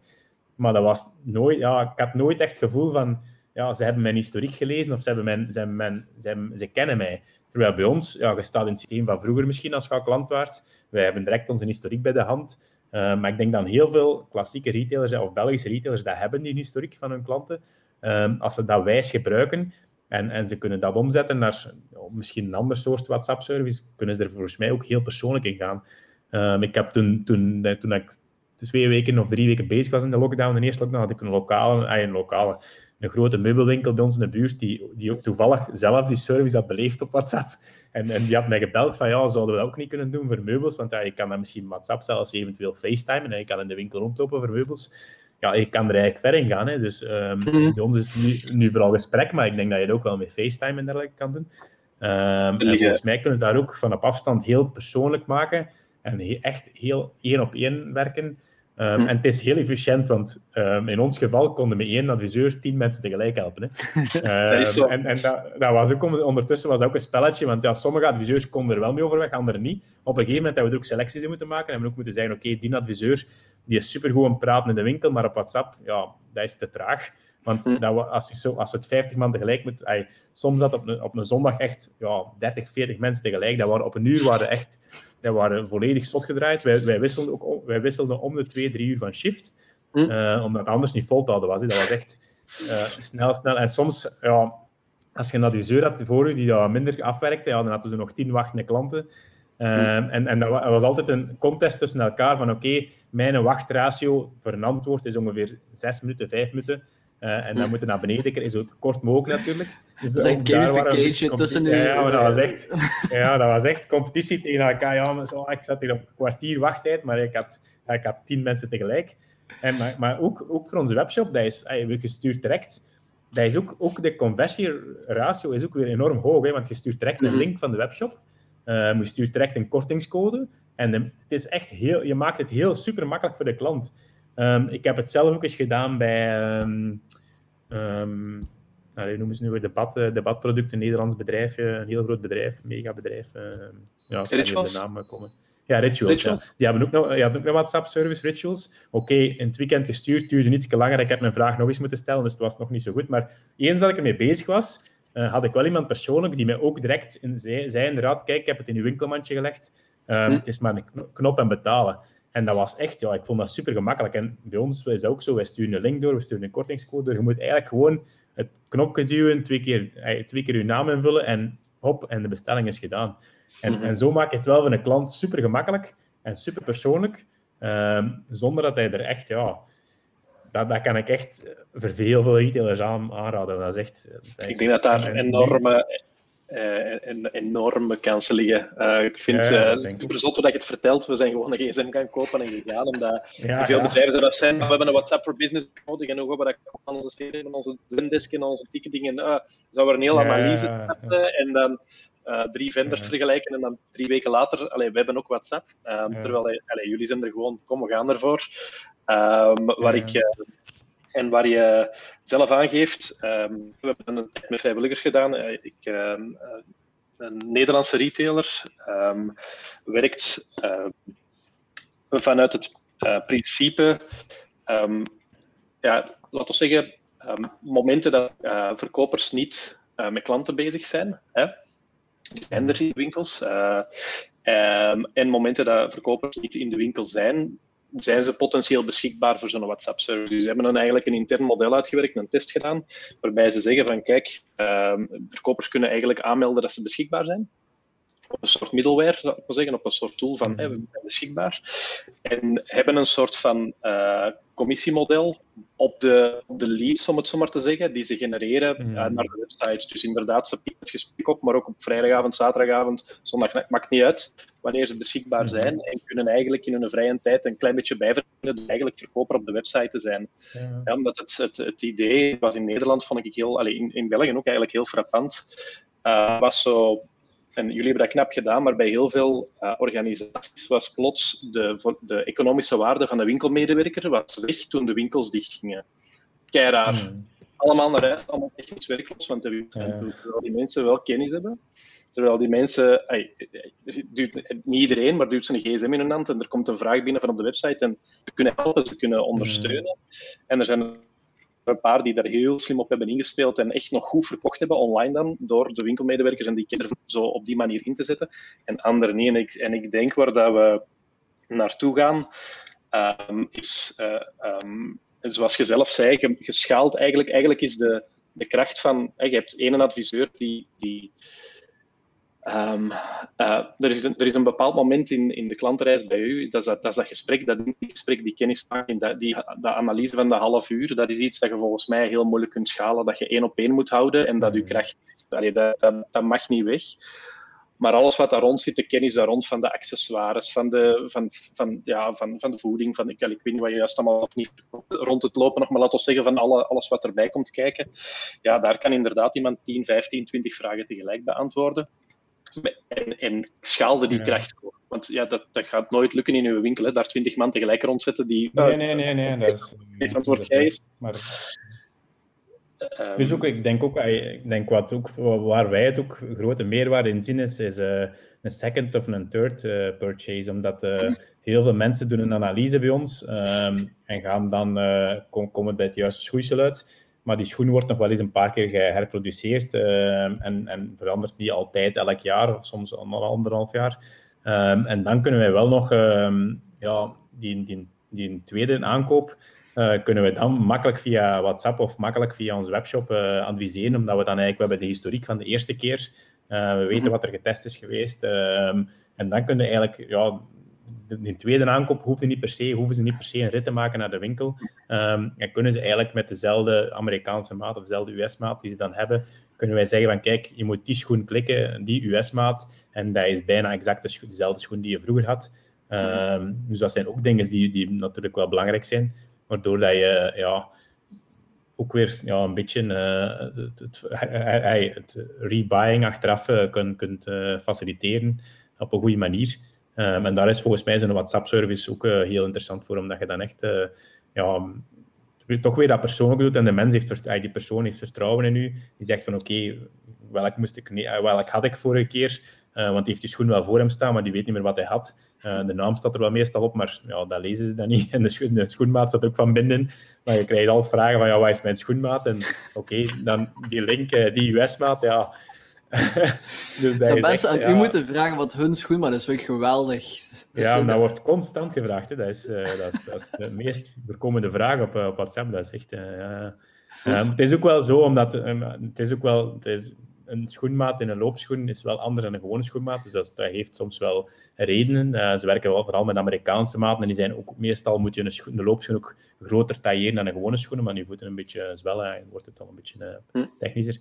Maar uh, je moet je schoen altijd wat ruimer nemen. Dus je moet eigenlijk altijd afgaan op de Amerikaanse maat. En heel veel mensen ehm, maken vaak die fout bij hun eerste schoen. Um, en die zeggen, ik heb een 43 in mijn klassieke schoen, ik zal ook met een 43 loopschoen komen. En dan hebben ze grandioos, te klein, meestal echt uh, de kleine maat. Uh, meestal moet anderhalve maat tot zelfs twee maten soms groter nemen in de Europese maat. Maar het gaat, met die Amerikaanse maat is bijna, bijna alle merken wel vergelijkbaar. Uh, dus meestal gaan we daarop af en we, wisten, we weten ook een historiek, dus dat maakt het wel wat makkelijker. En, ja, maar dat, zijn twee dingen die je dan combineert, Koen. Dat zijn twee dingen die, die, die essentieel zijn. Ik denk, allee, kijk even naar Tim of hij dat kan bevestigen of niet. Je combineert daar eigenlijk twee dingen. Dat is één, technologie. Hè, dus dat wil zeggen, je, je gaat zeer laagdrempelig. Uh, en Tim zei het daarnet ook al, hè, wat, wat, wat, veel mensen gaan connecteren met, met, met hun helpdesk servers of iets dergelijks, of hey, weet ik veel wat allemaal. Uh, dus één, technologie. En ik weet niet in welke mate dat retailers daar veel mee bezig zijn. Ondanks het feit, jonge, jongeren zullen dat wel kunnen met, met hun webshops en dergelijke. Um, die zullen er iets sneller mee weg zijn. Maar ik denk, oudere winkels, winkel-eigenaars gaan dat heel moeilijk vinden. En twee is data. Hè? Je mhm. hebt alle data voorhanden, je hebt die ook gemakkelijk voorhanden dan veronderstel ik. Ze kunnen dat gemakkelijk opzoeken in, mhm. in het systeem en op basis daarvan kunnen ze dan verder gaan en de klant verder helpen in hun diensten. Um, hoe, hoe zit dat eigenlijk met, met, met de retail, Tim? Want ik, ik weet niet of, of... Want daar zit gigantisch veel potentieel in. Hè? Dus als, als je weet wat een klant heeft gekocht op voorhand, of, of wat type uh, producten of iets dergelijks, ik, ik heb zo het gevoel dat daar ook nog niet veel, nog niet veel mee gebeurt in de retail op dit moment. Uh, nee, dat is, nog een, dat is nog een heel... Nu denk ik dat het, dat dan belangrijk is dat we abstractie nemen tussen de lokale ondernemer, hè, mm die in een winkel heeft en die weet wie er binnenkomt, bij wijze van spreken. Um, en waar de database uh, tussen de twee oren zit en, en die op, op, op, dat, niveau, ja, op dat niveau speelt. Um, ik, ik, denk niet dat die, um, ik denk dat die vooral moeten inzetten op hun, op hun eigen charme en hun eigen merk. En ook zeker wel social media gebruiken en op die manier hun bereik vergroten enzovoort. Maar niet moeten heel veel wakker liggen van welke systemen en hoe kan ik al die data koppelen voor al die mensen dan terug te bereiken. Want het is gewoon een, allez, als eenmansoperatie uh, onmogelijk. Um, als we dan naar de middelgrote en de grote kijken, dan denk ik dat momenteel is er een hele shift bezig uh, om inderdaad uh, rond die klant die data te gaan verzamelen, om meer te weten te komen rond die klant, van wat is eigenlijk deze voorkeur. Um, maar allemaal met het, als je het laat ons zeggen, regels van de kunst, uh, is in een ideale wereld gaat het niet meer meten rond hoe goed doet men een offline het en hoe doet men een online het, maar hoe, goed doet mijn klant het? Uh, hoe goed, uh, um, en vandaag wordt er klassiek, omdat online er later is bijgekomen, heb je aparte PNL's, dus aparte winstverliesrekeningen voor online-offline, aparte budgetten. Um, en dat is een beetje een rare. Uh, en we gaan eigenlijk kijken van ja, um, hoe goed heeft offline het dit jaar gedaan. We doen een budget voor volgend jaar. We zoveel. Hoe goed heeft online gedaan? We doen een budget, we doen het zoveel. En we, we corrigeren achteraf al altijd een klein beetje. Terwijl de realiteit is dat die klant heel een tijd beweegt tussen die kanalen. Die, die, die, die surft eerst online, die, die, die kijkt een product, die maakt dan een afspraak in de winkel, die test het daar. En die, die twee kanalen hebben een, een, enorme invloed op elkaar. Als je, uh, als je vandaag gaat, gaat kopen, uh, voorbeeldje, uh, even van uh, om de sfeer te blijven, dat is, uh, ik beschouw het even niet als een concurrent, gewoon omdat ik vind dat jullie een, een, een duidelijk afgebakende propositie hebben, maar Decathlon als, als retailer mhm. op het gebied van dingen rond de klant doen, die zijn ja, redelijk bezig wat dat betreft. je komt binnen, um, ik ging voor mijn kinderen twee wandelschoenen kopen, occasionele wandelingen hier op de hei, um, en um, ze passen toffe schoenen, maar ze, de, de, de, de, zoon wil graag het roosmodel en de dochter de blauwe. Het is in andersom. Um, zo gaat dat dan. En uh, op de een of andere manier geef je dan toch weer toe als vader en zeg je: Oké, we bestellen wel in de juiste kleur. Maar ze hebben eigenlijk bij de prijskaartjes gewoon een, een heel simpele QR-code. En je komt op de webshop terecht, ineens op het juiste product, met het product al eigenlijk in het winkelmandje gelegd. Um, dus die frictie wegnemen, wat je het zo gemakkelijk mogelijk maken. En ik bestel op, ik ben dus bij Decathlon, de juiste maten zijn er, maar de juiste kleuren niet. Ze passen. ze zitten goed en ik bestel op dat moment online op mijn gsm in de winkel op de webshop. Dus de vraag is nu welk kanaal heeft voor die content gezorgd. Hè? Dat is heel vaak dan achterliggende discussie. Uh, en de praktijk is ja, dat ik als klant is waar ik mijn budget uitgeef en dat ik beweeg over die twee kanalen. En wat je ziet is dat uh, er een, een, een, een uh, zoektocht is voor iedereen.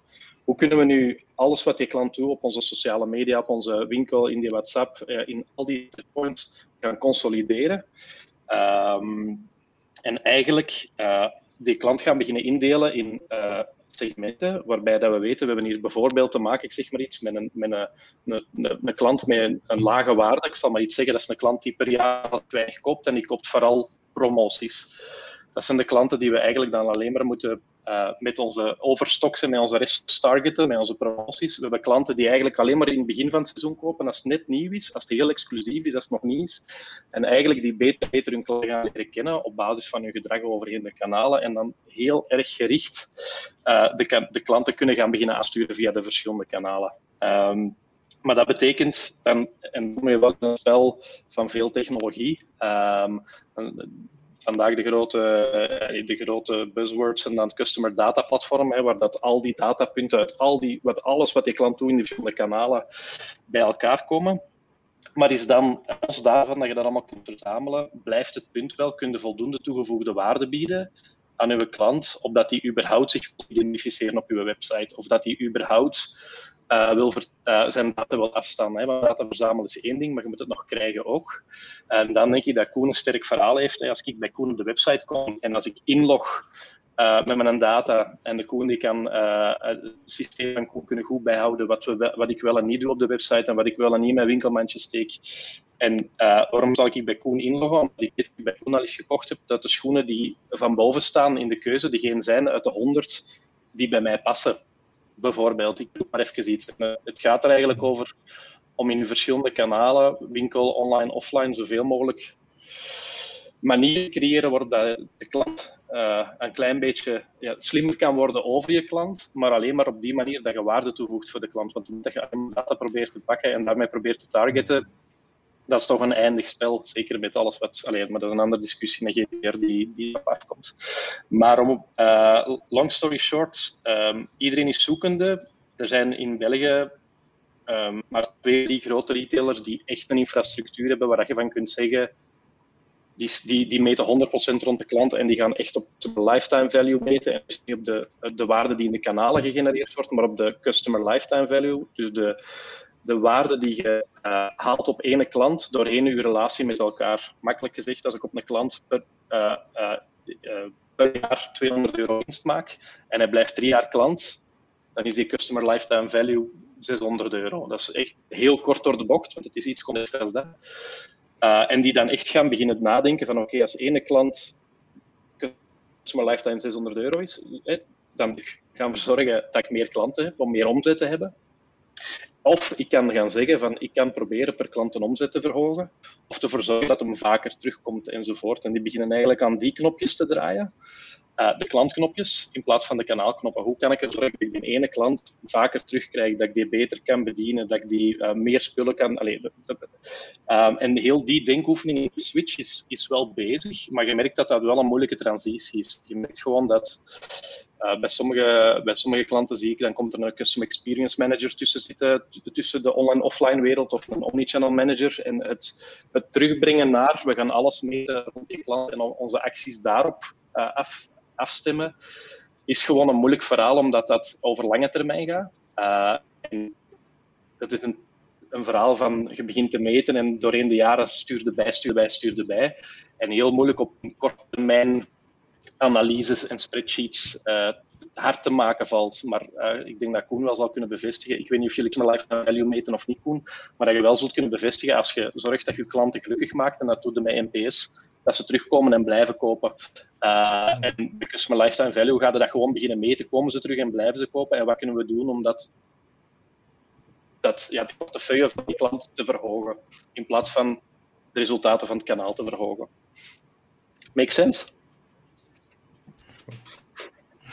Ja, ik denk het wel. Ehm, ik denk het gewoon inderdaad. Zeker als ik, als ik kijk naar, naar, de, naar de typische kledingswinkel en de kleinere winkels vooral. Um, ja, dan ga je binnen, je koopt iets en je gaat buiten zonder dat je je informatie nalaat. Ik denk dat daar vooral een, een heel groot gat is tussen Um, tussen de digitale en de analoge wereld. En Koen, uh, ik weet dat uit ervaring, dat wordt daar opgevangen omdat je daar direct je, je persoonlijke gegevens nalaat en dergelijke. Maar ik denk dat dat voor heel veel winkels nog gewoon nul is.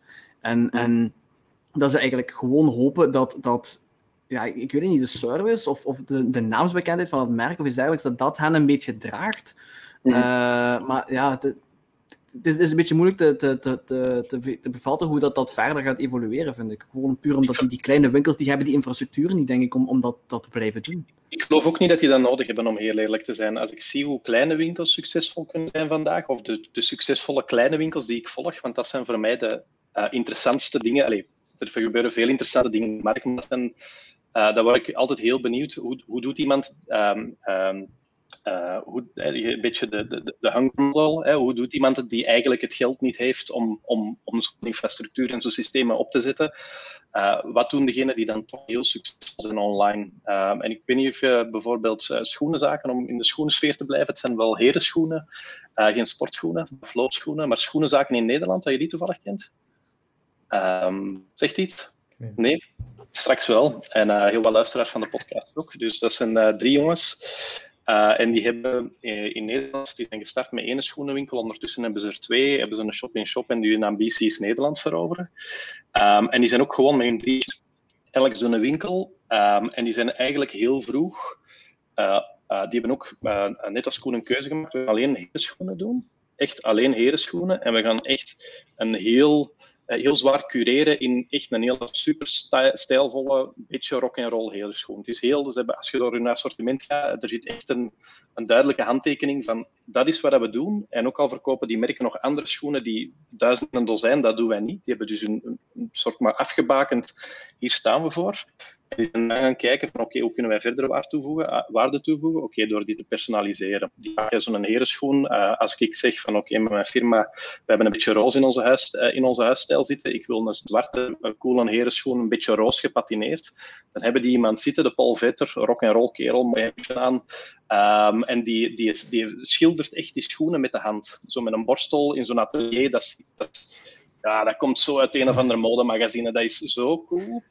Um, en en die, heel dat proces, en die mannen die maken elke dag content op Instagram, elke dag content op LinkedIn, superveel, altijd bezig, altijd storytelling.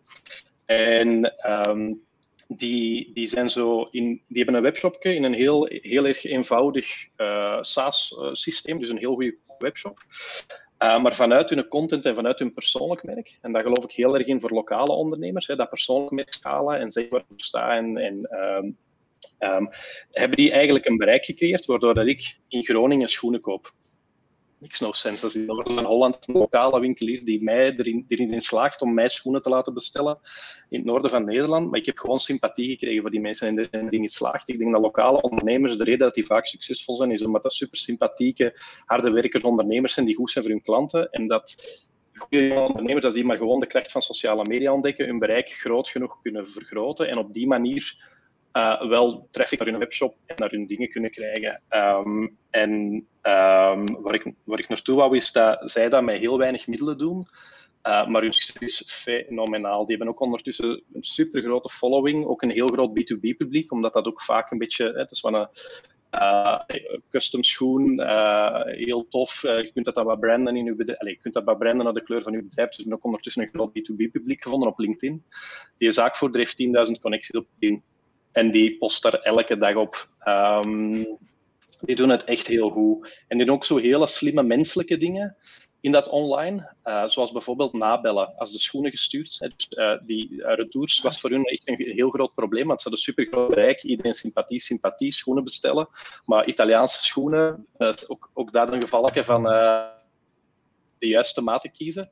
Ehm, en zij bellen eigenlijk elke klant na als het order vertrokken is. Om te, als het order binnen is gekomen, zeg van ah, Joël hier van Schoenenzaken, tof dat je schoenen bestelt, dat appreciëren we echt. Ik heb gezien dat je van dat model bestelt. Dus, hè, schoen heb je normaal gezien als je een, een uh, zeg maar iets, een of dit bestelt, welke maat. Ah, maar deze vallen wel echt heel groot. Ik denk dat je een half maatje kleiner bestelt. Zal ik ze wisselen voor u? Oh, en en passant, je, hebt geen, uh, je hebt geen product voor de, uh, de, de regen besteld, willen we dat er ook ineens bij doen. Ik zal je een WhatsApp-link sturen voor de betaling. En die dus eigenlijk in, in een, een service in de verkoop door gewoon te bellen. We hebben geen technologie voor nodig met een gsm. En een WhatsApp-linkje met een, met een betaallink, tikkie denk ik in Nederland, um, sturen ze achterna en op die manier doen die opstelling. Maar die doen eigenlijk met weinig tot geen technologie fantastische resultaten. En ik denk dat we soms allemaal een beetje in de val trappen van we gaan voor mega veel technologie en we gaan meten, meten, meten. En alles weten van onze klant en super getarget en de, de, de business kan ontploffen. Terwijl het soms wel in gewoon kleine, slimme dingetjes zit. Uh, en dat menselijke een beetje injecteren. Dus uh, uh, samengevat, ik denk niet dat kleine uh, lokale ondernemers veel technologie nodig hebben. Ik denk wel dat ze uh, goed moeten bezig zijn met social en hun persoonlijk merk stellen. En voor de rest uh, proberen in die digitale reis menselijke, hun menselijke touch in de vorm van briefjes nabellen en briefjes in de doos nabellen enzovoort, dat erin te steken. En voor de rest niet te hard moeten liggen van customer data platformen of um, zware segmentatietools of whatever. Ja, makes sense. Maar ik denk wel dat voor dat is misschien niet echt uw, uw markt, ik weet het niet. Voor, uh, voor ketens, uh, want de, meeste, de, de, meeste artikelen die ik ga halen, zijn bijvoorbeeld in de Eurosport van vroeger. Um, ik denk dat het daar heel anders is, dat het daar helemaal veel minder van toepassing is. Die mensen kunnen minder de, de bijvoorbeeld het, het, het concept, dus wat, wat, wat Koen heeft in, in zijn winkel, de, de, het unieke concept waarvoor je naar hem gaat, waarvan je weet, die service krijg ik bij die mensen, dit heel specifieke, daar heb je minder in, in, in, in die grote ketens uiteraard. Die, die hebben het eerder van naamsbekendheid dan, want allee, die kunnen zich moeilijk differentiëren ten opzichte van iemand zoals, uh, zoals Koen of, of, of uh, de, de, schoenenzaken die je net zegt. Ja, inderdaad. Ik denk dat voor een klassieke een multimerkenwinkel, om het zo even te noemen, die alle merken en heel breed verkoopt, uh, um, als die niet gaan nadenken, hoe kan ik mij zoals Koen onderscheiden, zoals schoenenzaken onderscheiden, ja, die, mhm. die valt ertussen. Die, die per definitie wordt die ofwel gepasseerd door de merken die hij verkoopt, want ook vanuit, allez, dat is die beweging is bezig, alle merken gaan rechtstreeks naar de eindconsument.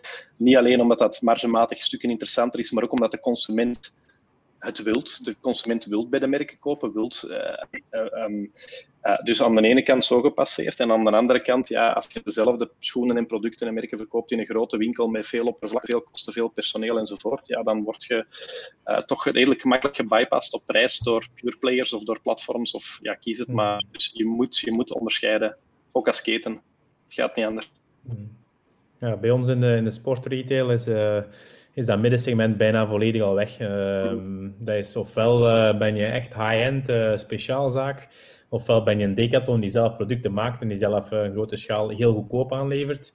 En inderdaad, de rest is direct-to-consumer. Dus, dus de merken, dus de, al, al, heel dat middensegment is, is bijna in de running, in de sport, in sport in het algemeen, aan het verdwijnen of zelfs bijna al volledig weg. Um, en ik, dat, dat, gaat, dat is onomkeerbaar, denk ik. Dat, dat, dat gaat, die kunnen veel te weinig meerwaarde bieden. Ehm, en, en op prijs kunnen ze het ook niet winnen tegen een Decathlon of tegen de grote, heel grote spelers, dus, of het online vooral. Um, dus dat is echt, bij ons is dat al lang aan de gang en, dat zie de, ja, dat is, dat is heel duidelijk. En, en ja, wij hebben er geen, uh, voor ons is dat, niet, ja, is dat heel goed geweest natuurlijk. Uh, in België is dat zelfs, in, in, Nederland bijvoorbeeld is dat nog veel minder. In Nederland is wel super sterk online, veel meer, maar in Nederland bijvoorbeeld heb je bijvoorbeeld nog geen of niet genoeg Decathlon bijvoorbeeld. Um, en in België en Frankrijk is dat bijvoorbeeld al veel langer aan de gang. Um, en, en het is eigenlijk net die, die lagere speler en, achteraf direct de consumer die dat middensegment heeft weggeveegd. En dat biedt alleen maar kansen voor degenen die gespecialiseerd zijn en van onder natuurlijk. Dus ik, ik, ik, ik zie Deka onzeker voor ons en niet als een, um, een concurrent, want die heeft heel veel goed gedaan voor ons, want die heeft net de, het verschil tussen ons en hen net heel duidelijk gemaakt en, en heel dat middensegment weggeveegd. Um, en wat, wat, wat nu heel duidelijk is, ofwel ga je naar daar, goedkope prijs, uh, uh, eigen merk, um, en, en, start je daarmee, ofwel ga je naar een high-end winkel en krijg je goed advies, uh, heel persoonlijk advies en, en, en, betaal je ietsje meer. Um, en, en de keuze daartussen is, is, is, is weg of is ja, aan het verdwijnen. Maar Um, en, en inderdaad, de merken direct consumer, dat is ook meer en meer natuurlijk. Uh, zeker in de sportsector is echt enorm hard. Nike is daar natuurlijk de grootste voorloper van. Um, Als je voorbij Laakdaal rijdt, uh, al die uh, nieuwe gebouwen die erbij zijn gekomen, is allemaal direct de consumer. Nike levert dus vanuit België bijna heel Europa en Afrika vanuit Laakdaal. Um, dus de drie, gebouw 2, 3, 4, 5 dat erbij is gebouwd, is, bijna, is, is niks voor de retailers, is bijna allemaal direct consumer. Dus um, dat is in de sport natuurlijk het grote voorbeeld. En veel merken volgen dat natuurlijk. Want ja, um, maar, maar daarnaast biedt het natuurlijk voor specialisten nog altijd wel een kans, denk ik. Want ik denk dat, dat de echte, echte specialisten door de merken niet zullen links. Want die, die, die zijn ook een beetje voortrekkers. Dus wij bijvoorbeeld hebben schoenen van Nike die niemand anders in België heeft omdat Nike natuurlijk ook wel ergens een credibiliteit nodig heeft bij die echte topspecialisten om hun mhm. merk uh, te blijven behouden. Uh. Dus Nike is daar wel in een struggle um, of dat ze dat moeten blijven doen. Dus dat is een merk dat wel een beetje abrupt is soms en, en dat soms wel een beetje te, te veel de kant uh, opzoekt. En ik weet ook niet of ze dat... Nike doet het, lijkt het supergoed te doen, maar ik hoor ook wel andere verhalen binnen... Ik ken heel mensen binnen Nike dat ook niet altijd niet meer roze geur en maneschijn is en dat ze ook wel in sommige sectoren het moeilijk hebben, omdat ze soms iets te direct zijn. Um, en, eh, of te veel, te veel de leider zijn geweest en te veel um, ja, um, dachten van we kunnen alles doen wat we willen. dus er zijn wel andere merken die daar een beetje in onze sportsector dan een beetje van profiteren, of in de runningsector. Dus er gaat volgens mij altijd wel een balans, balans blijven tussen directe consumer en, en top speciaalzaken, omdat je daar altijd uh, ja, een merk moet op de lokale markt ook een credibiliteit opbouwen, denk ik. Uh, maar in dat ja. tussensegment, ja, wat, wat heeft, uh, ja, om, om, ik weet niet, ik denk, veel intersport is er niet meer in België, Sports Direct, veel van die winkels um, zijn, zijn verdwenen of hebben het moeilijk ja, wat gaan die van meerwaarde bieden ten opzichte van Nike zelf? Hè? het is gewoon de schoen die je daar haalt. Hè. Je krijgt geen technologie daar, je krijgt geen, heel, niet heel veel persoonlijk advies, want ze hebben alle sporten. Dus ja, ik kan niet heel veel persoonlijk advies geven, want je kan moeilijk, het is nu al moeilijk genoeg voor ons om van onze 45 mensen te verwachten dat ze alles over running weten. Laat staan dat ze dan ook nog een indoorschoen, eh, een voetbalschoen, eh, een hockeyschoen, een padelraket mhm. allemaal moeten kunnen uitleggen. Ja, dat gaat, je kan niet verwachten van iemand die... Uh, van iemand die al die sporten van buiten kent en, en evenveel passie spreekt als iemand die enkel die ene sport heeft. Dus, dus die, die multisport uh, dingen, dat gaat buiten het lage segment van een decathlon gaat dat verdwijnen, denk ik. Uh, en, en, en, je merkt dat hij bijvoorbeeld in Nederland, Nederland is dat nu echt enorm hard aan de gang. En nu zijn er heel veel Nederlandse winkels die het enorm moeilijk hebben in dat middensegment, omdat daar Decathlon nog maar later is opgekomen. En, en het, on, het online waren ze wel sterk, maar er zijn, waren heel veel kleine winkeltjes nog in Nederland de, running, de runningmarkt is enorm um, verspreid, enorm, uh, ja, hoe zeg ik dat? Uh, um, ja, het is een enorm warrig landschap. Uh, er zijn veel te veel kleine winkeltjes, runningwinkeltjes in Nederland, en die gaan er ja, grotendeels allemaal van tussen gaan, denk ik. dus die markt gaat nog volledig ja, hergeschreven worden de komende jaren, denk ik. Maar hoe moet je dan nu van start gaan? Als je, als je nu, je zegt het middensegment is er volledig uit, dus als je, als je klein wil beginnen, wat, wat is dan de differentiërende factor? Want je, enerzijds denk ik niche gaan, sowieso. Ik denk dat dat, denk dat, dat uh, belangrijk is. Dat je heel duidelijk weet van, kijk, dit is het doelpubliek dat ik wil aansturen. En ook je, het aanbod erop, uh, erop uh, afstemmen. En ook de manier waarop dat je verkoopt. Hè. Of zij het, zij het in een winkel, zij het digitaal, is uiteraard heel belangrijk. Maar, allee, moet je echt iets, iets... Je moet er echt bijna tussenuit springen, bijna. Uh, en, want Runnerslab doet dat nu met, uh, met die hele technologische. Uh, ik, zal ik, ik, noem het nu een gimmick, maar dat is, uiteraard helemaal heel, heel uitgedrukt. Maar, maar dat maakt voor jullie het onderscheid. Maar hoe ga je als, als nieuweling, als nieuwe beginner, met, met, een, met een winkel beginnen en dan toch in het, in, in het online tijdperk daar nog altijd het onderscheid in maken op vlakken dat je de klant nog kan benaderen? Want dat is toch enorm moeilijk nu dan? Ja, dat, ik weet niet wat dat... Ik kan dat natuurlijk niet verspreken. Ik heb het geluk gehad dat ik iets hm. mocht verder zetten, dat ik het mocht uitbouwen, dat ik het mocht beter maken, of, of proberen beter maken. Maar ik denk nog altijd dat er wel ook voor jonge ondernemers eh, kansen liggen, omdat je ziet, als je iets, een passie gevonden hebt en iets... iets, iets er zijn nog heel veel niche... Ah, niche hoeft niet per se niche te zijn, maar er zijn nog heel veel dingen die je vanuit je passie kan vertellen, vanuit je passie kan herontdekken. Maar je moet gewoon heel duidelijke keuzes maken, denk ik. Je moet gewoon als jong ondernemer zeggen van oké, ik wil hiervoor gaan en ik wil dit... Uh, vanuit mijn passie, vanuit mijn dingen uit eh, op, de, op de markt zetten. Ehm, en dit is mijn, ehm, ja, mijn idee. Uh, ik heb het met een aantal mensen misschien binnen de sector of buiten de sector even afgetoetst. Uh, en ik ben er klaar voor. Dan denk ik wel dat er nog wel nog altijd veel kansen liggen, denk ik. Um, het is misschien niet meer allemaal zo evident. financieel dan misschien. Alhoewel, denk, ja, vroeger had je bijvoorbeeld moest je bijvoorbeeld, als je vroeger een winkel was start, je moest je bijna altijd al een deur overkopen, of zeggen ze, of een dorp mm overkopen. Dat heb je nu niet meer. Hè. Nu kan je, ay, er zijn nog heel veel winkels, nu bijvoorbeeld in de running sector zijn heel veel winkels die stoppen en die geen overnemer vinden, want ja, die denken, ik kan mijn winkel nog verkopen voor iets voor een bedrag. Ja, dat, wie, wie gaat er nu nog geld geven voor een dorpel of voor een klantenbestand? Met social media is alles, is alles opengesteld. Um, ik, kan, ik kan gewoon een Instagram-account, uh, Facebook, als je er goed mee weg bent en je bent er uh, heel, uh, heel vindingrijk in, dan kan je heel snel, denk ik, op een, denk dat Tim zei, op een goedkope manier um, naamsbekendheid creëren als je echt iets doet vanuit iets, iets leuk en vanuit een passie. En dat was vroeger niet. Hè. Vroeger moest je, moest je magazines, moest je advertenties in magazines plaatsen, moest je misschien radiospots, moest je misschien tv-spots. Je kan dat nu nog altijd, maar je kan het ook wel heel op een andere manier via social media. Dus ik denk dat dat net, net, weer, net weer laagdrempelige kansen heeft gebracht. Dus het is een andere manier van werken, denk ik. Maar um, vroeger kon je bij wijze van spreken zeggen: Oké, ik betaal hier, uh, ik heb van, van uh, papa wat geld gekregen, 300.000 euro, en ik, ik koop van een winkel over, een dorp over en ik heb klantenbestand. Dat kon je vroeger. Maar nu kan je zeggen van oké, ik wil daar iets beginnen. Ik heb uh, een leuk pand gevonden. Ik maak dat pand volledig mijn ding. Um, En ik ben bij social media begin ik leuke dingen te doen. En dus en je, je moet niet, geen historiek niet meer overkopen van iemand anders, want je begint puur en zuiver vanuit je eigen, vanuit je eigen passie en je eigen ding. Dus ik denk dat dat een heel andere, ja, een heel andere gegeven is. Dus. Ja, waarbij dat je volgens mij zelfs, allee, als het dan over locatie gaat, want dat was vroeger, allee, dat is, dat is een, een, een abstracter gegeven. Uiteraard heb je nog altijd het verschil tussen allee, passagewinkels of uh, destination stores, maar op het moment dat je echt in een, in een niche kiest, pak nu een jonge ondernemer die zegt ik start, um, gooi maar wat gaan we, wat gaan we verkopen? Jan, jij, mocht, jij, mocht, jij, wordt een, jij wordt de retailer. Ik word een retailer, oh, dan ga ik Lego verkopen. Lego? Is het echt? Dat is geweldig. geweldig. Okay. Laat ons even, uh, even voorbij, de, uh, voorbij de, het struikelblok. Ik denk het belangrijkste struikelblok dat, dat voor iedereen er zal zijn, zal access zijn. Hè? Dus access tot de merken en de producten. Ja. En de grote merken overtuigen dat jij als kleine speler um, effectief een verhaal kan brengen dat waarde toevoegt binnen een hele kanaalmix, zal ik maar zeggen. Maar laat ons Lego al weten inpakken met je pitch en die zijn al helemaal overtuigd van je concept. Dus zover zijn we gelukkig al. Um, maar dan denk ik effectief dat um, als je gaat kijken met, wie, met wie concurreerde vandaag als je Lego gaat verkopen, dat is enerzijds met Lego uh, en dat is anderzijds met de speelgoedwinkels. Speelgoedwinkels, um, het, de meeste speelgoedwinkels, ketens in België en Nederland, pardon my French, maar dat is niet, dat dat is niet echt.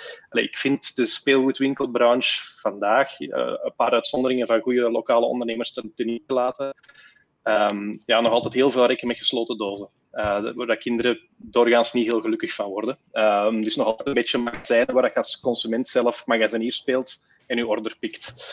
Um, hmm. Dus laat ons zeggen dat wij um, gaan zeggen, wij maken een Lego-winkel. Um, van, ik denk dat je vandaag zelfs, als je op social media echt weg bent, uh, het principe van de dark store, ik weet niet, de dark kitchen, ben je daarmee vertrouwd?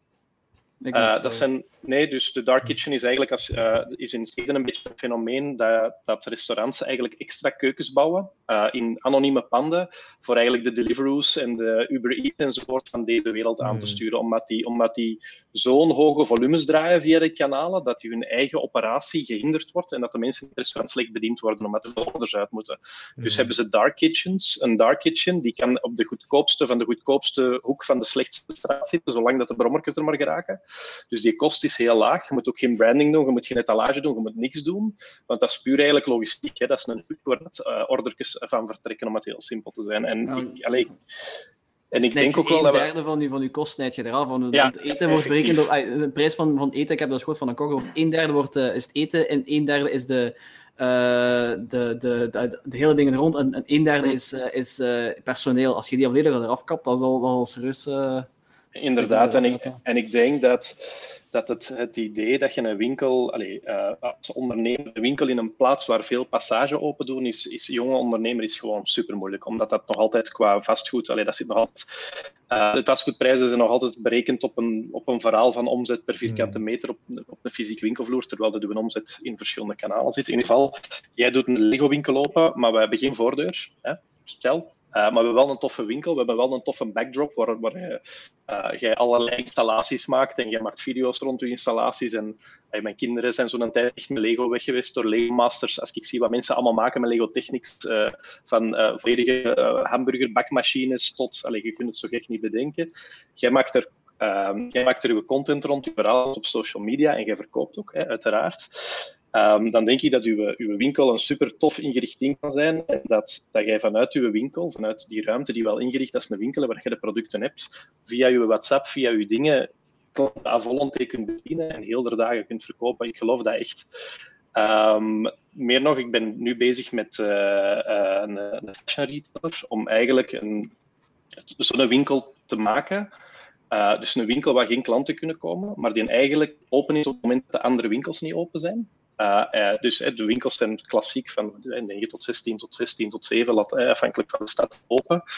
Um, en heel veel businessmodellen worden gebouwd op dingen die staan of die niet gebruikt worden. Hè. Dus um, als je kijkt, um, heel auto's, uh, deelsteps, hè, de moment dat dat niet gebruikt wordt, hè, er wordt een, een businessmodel opgebouwd. En dan ik, als het moment dat uw winkel niet gebruikt wordt, ja, moet daar ook iets mee kunnen gebeuren, denk ik dan. Uh, dus we zijn nu naar een, met een experiment bezig waar we zeggen van kijk, we hebben één winkel zonder voordeur op een spot, goedkope locatie. Um, aan het hoofdkantoor eigenlijk, um, die, uh, waar mensen via de, via de website op het moment dat ze twijfelen over een product, in plaats van via een chat in een, video, in een videoomgeving terechtkomen van hey, uh, de winkel is open na zes uur ook. Hè, digitale winkel, om het zo maar te zeggen, kan u helpen. En waar dat ze effectief via video door een verkoper geholpen worden, de juiste samen met elkaar gepast worden, vinden dit mooi, vinden dit mooi. En dat je eigenlijk gewoon heel dat proces verder zet, maar digitaal op het moment dat het niet open is. En naar de toekomst toe ja, is het een succesvolle case. Kijk, kunnen we dat ook doen op het moment dat de winkel gesloten is en er kunnen geen klanten meer binnen, maar je, ver, je verspreidt bijvoorbeeld de shiften want uh, iedereen komt samen op dezelfde piekmomenten, vlak na opening, vlak, uh, vlak na opening, vlak na sluit. We verspreiden de, de werkuren een beetje beter en we zorgen dat we nog twee of drie uur na sluit open zijn en dat we op die manier mensen opvangen die online aan het kiezen zijn en toch uh, in een gesloten winkel wel volledige klantervaring geven via video. En waar ik naartoe wil, jij als jonge ondernemer, ik denk dat jij Lego kunt verkopen van het is eender wel godvergeten plaats, als je maar, maar het moet tof zijn. Het moet een toffe backdrop zijn. Moet, eh, video mag niet uh, als, het, als het in mijn living is, ja, dat gaat een beetje sympathie geven, maar het moet wel, het moet wel sprankelen, stralen. Jij moet wel echt geloven. Ik denk dat die keuze, maar de Koen, jij moet wel echt, echt, ja. echt zot zijn van Lego. Ik moet het geloven. Als ik het geloof, als ik geloof dat je even zot bent van Lego als mij, dan is de kans heel groot dat je u gaan kopen. En dat heeft puur met gunningsfactor te maken. En dat is nog altijd retail zoals 30 jaar geleden. Als je de, de ondernemer die in die winkel staat een sympathieke P vindt en je vindt allebei de schoenen tof, dan is de kans groot dat je het hem gunt en dat je die 3 euro of die 5 euro die je mm. misschien minder of meer betaalt alsnog uh, nog gunt. Maar eigenlijk zet je dan meer een service aan het bouwen. Dus de value zet je aan het, aan het doen met je social media. Hè? Dus de interesse opwekken, uh, boeien, noem maar op. Maar dat je toevallig een webshop bij hebt. Dan is dat eigenlijk een... een, een ja, eigenlijk draait je dan een beetje om. Hè? Dus wat ja. we, vroeger was de shop, was, was, was hetgeen wat je net zegt, dat was, was gewoon een... een uh, hoe zei je het weer? Een... een uh, een waar je zelf je winkelmandje samenstelt of zoiets. Ik weet niet ja. Waar je nu eigenlijk gewoon de service maakt. Gewoon, uh, ja, eigenlijk bijna een YouTube-kanaal opbouwt, bij wijze van spreken. Waar je dan toevallig ook kan linken naar je eigen webshop uh, en, en, en zo eigenlijk dan de producten kan verkopen. Ja, zeker. En er komt ook een tijd waarin dat de merken dat soort van ondernemers onder de arm gaan nemen, hè, want die hebben bereik, hè, dat is, eh, daar gaat het uiteindelijk over. Die hebben access, die hebben bereik tot een grote doelgroep die ook zot van Lego. Vandaag noemen we dat de influencers. Maar ik denk dat dat een beetje een term is waar ik van wil wegblijven. Het gaat meer over uh, mensen die echt daarmee bezig zijn en dat uh, dat, dat gewoon affiliate partners worden. Hè. Dus uh, dat ik, vast, ik, ik doe de content, ik, faciliteer, ik zorg dat de orders binnenstromen en de logistiek en het verzenden en de customer service enzovoort, dat regelen de merken voor mij. En ik word, ik word gewoon de retailer, alleen one-man show of two-man show. En ik denk dat daar naar de toekomst toe veel verdienmodel gaan inzitten voor, voor ja, toch jonge ondernemers toegang geven tot de producten, toegang kunnen krijgen tot de producten en die op die manier ja, zie ik in elke sector, uh, zie ik in elke sector maar, zeker dingen gebeuren. En van, dan vooral binnen de fysieke retail, waar wij dan aanwezig zijn, uh, ja, om, om binnen uw bestaande fysieke winkels ook al te kijken hoe kan ik dat eigenlijk een, een, een, een digitaal touchpoint maken dat ook content genereert. Omdat het straks eh, dat is een beetje omdat ik er straks was heel benieuwd, Koen, als ik aan jou vroeg van zijn ze al vroeg of laat in hun beslissingsproces? Uh, omdat ik, allez, ik geloof heel erg dat, dat uh, in uw winkel, je maakt content, alleen maakt je één op één content. die klant heeft veel beleving, die heeft een hele ervaring met die, met die, met die adviseur bij u. Maar als die winkel op zichzelf ja, ook content kan beginnen genereren, dan bereikt er weer meer mensen. Want vandaag een verkoper, en dat hadden we er straks al gezegd, die heeft een één op één gesprek. het moment dat een verkoper, en je kunt dat vertalen naar iets dat ja, pakt bij veel mensen, dan kunnen dat ook weer schalen. Ja.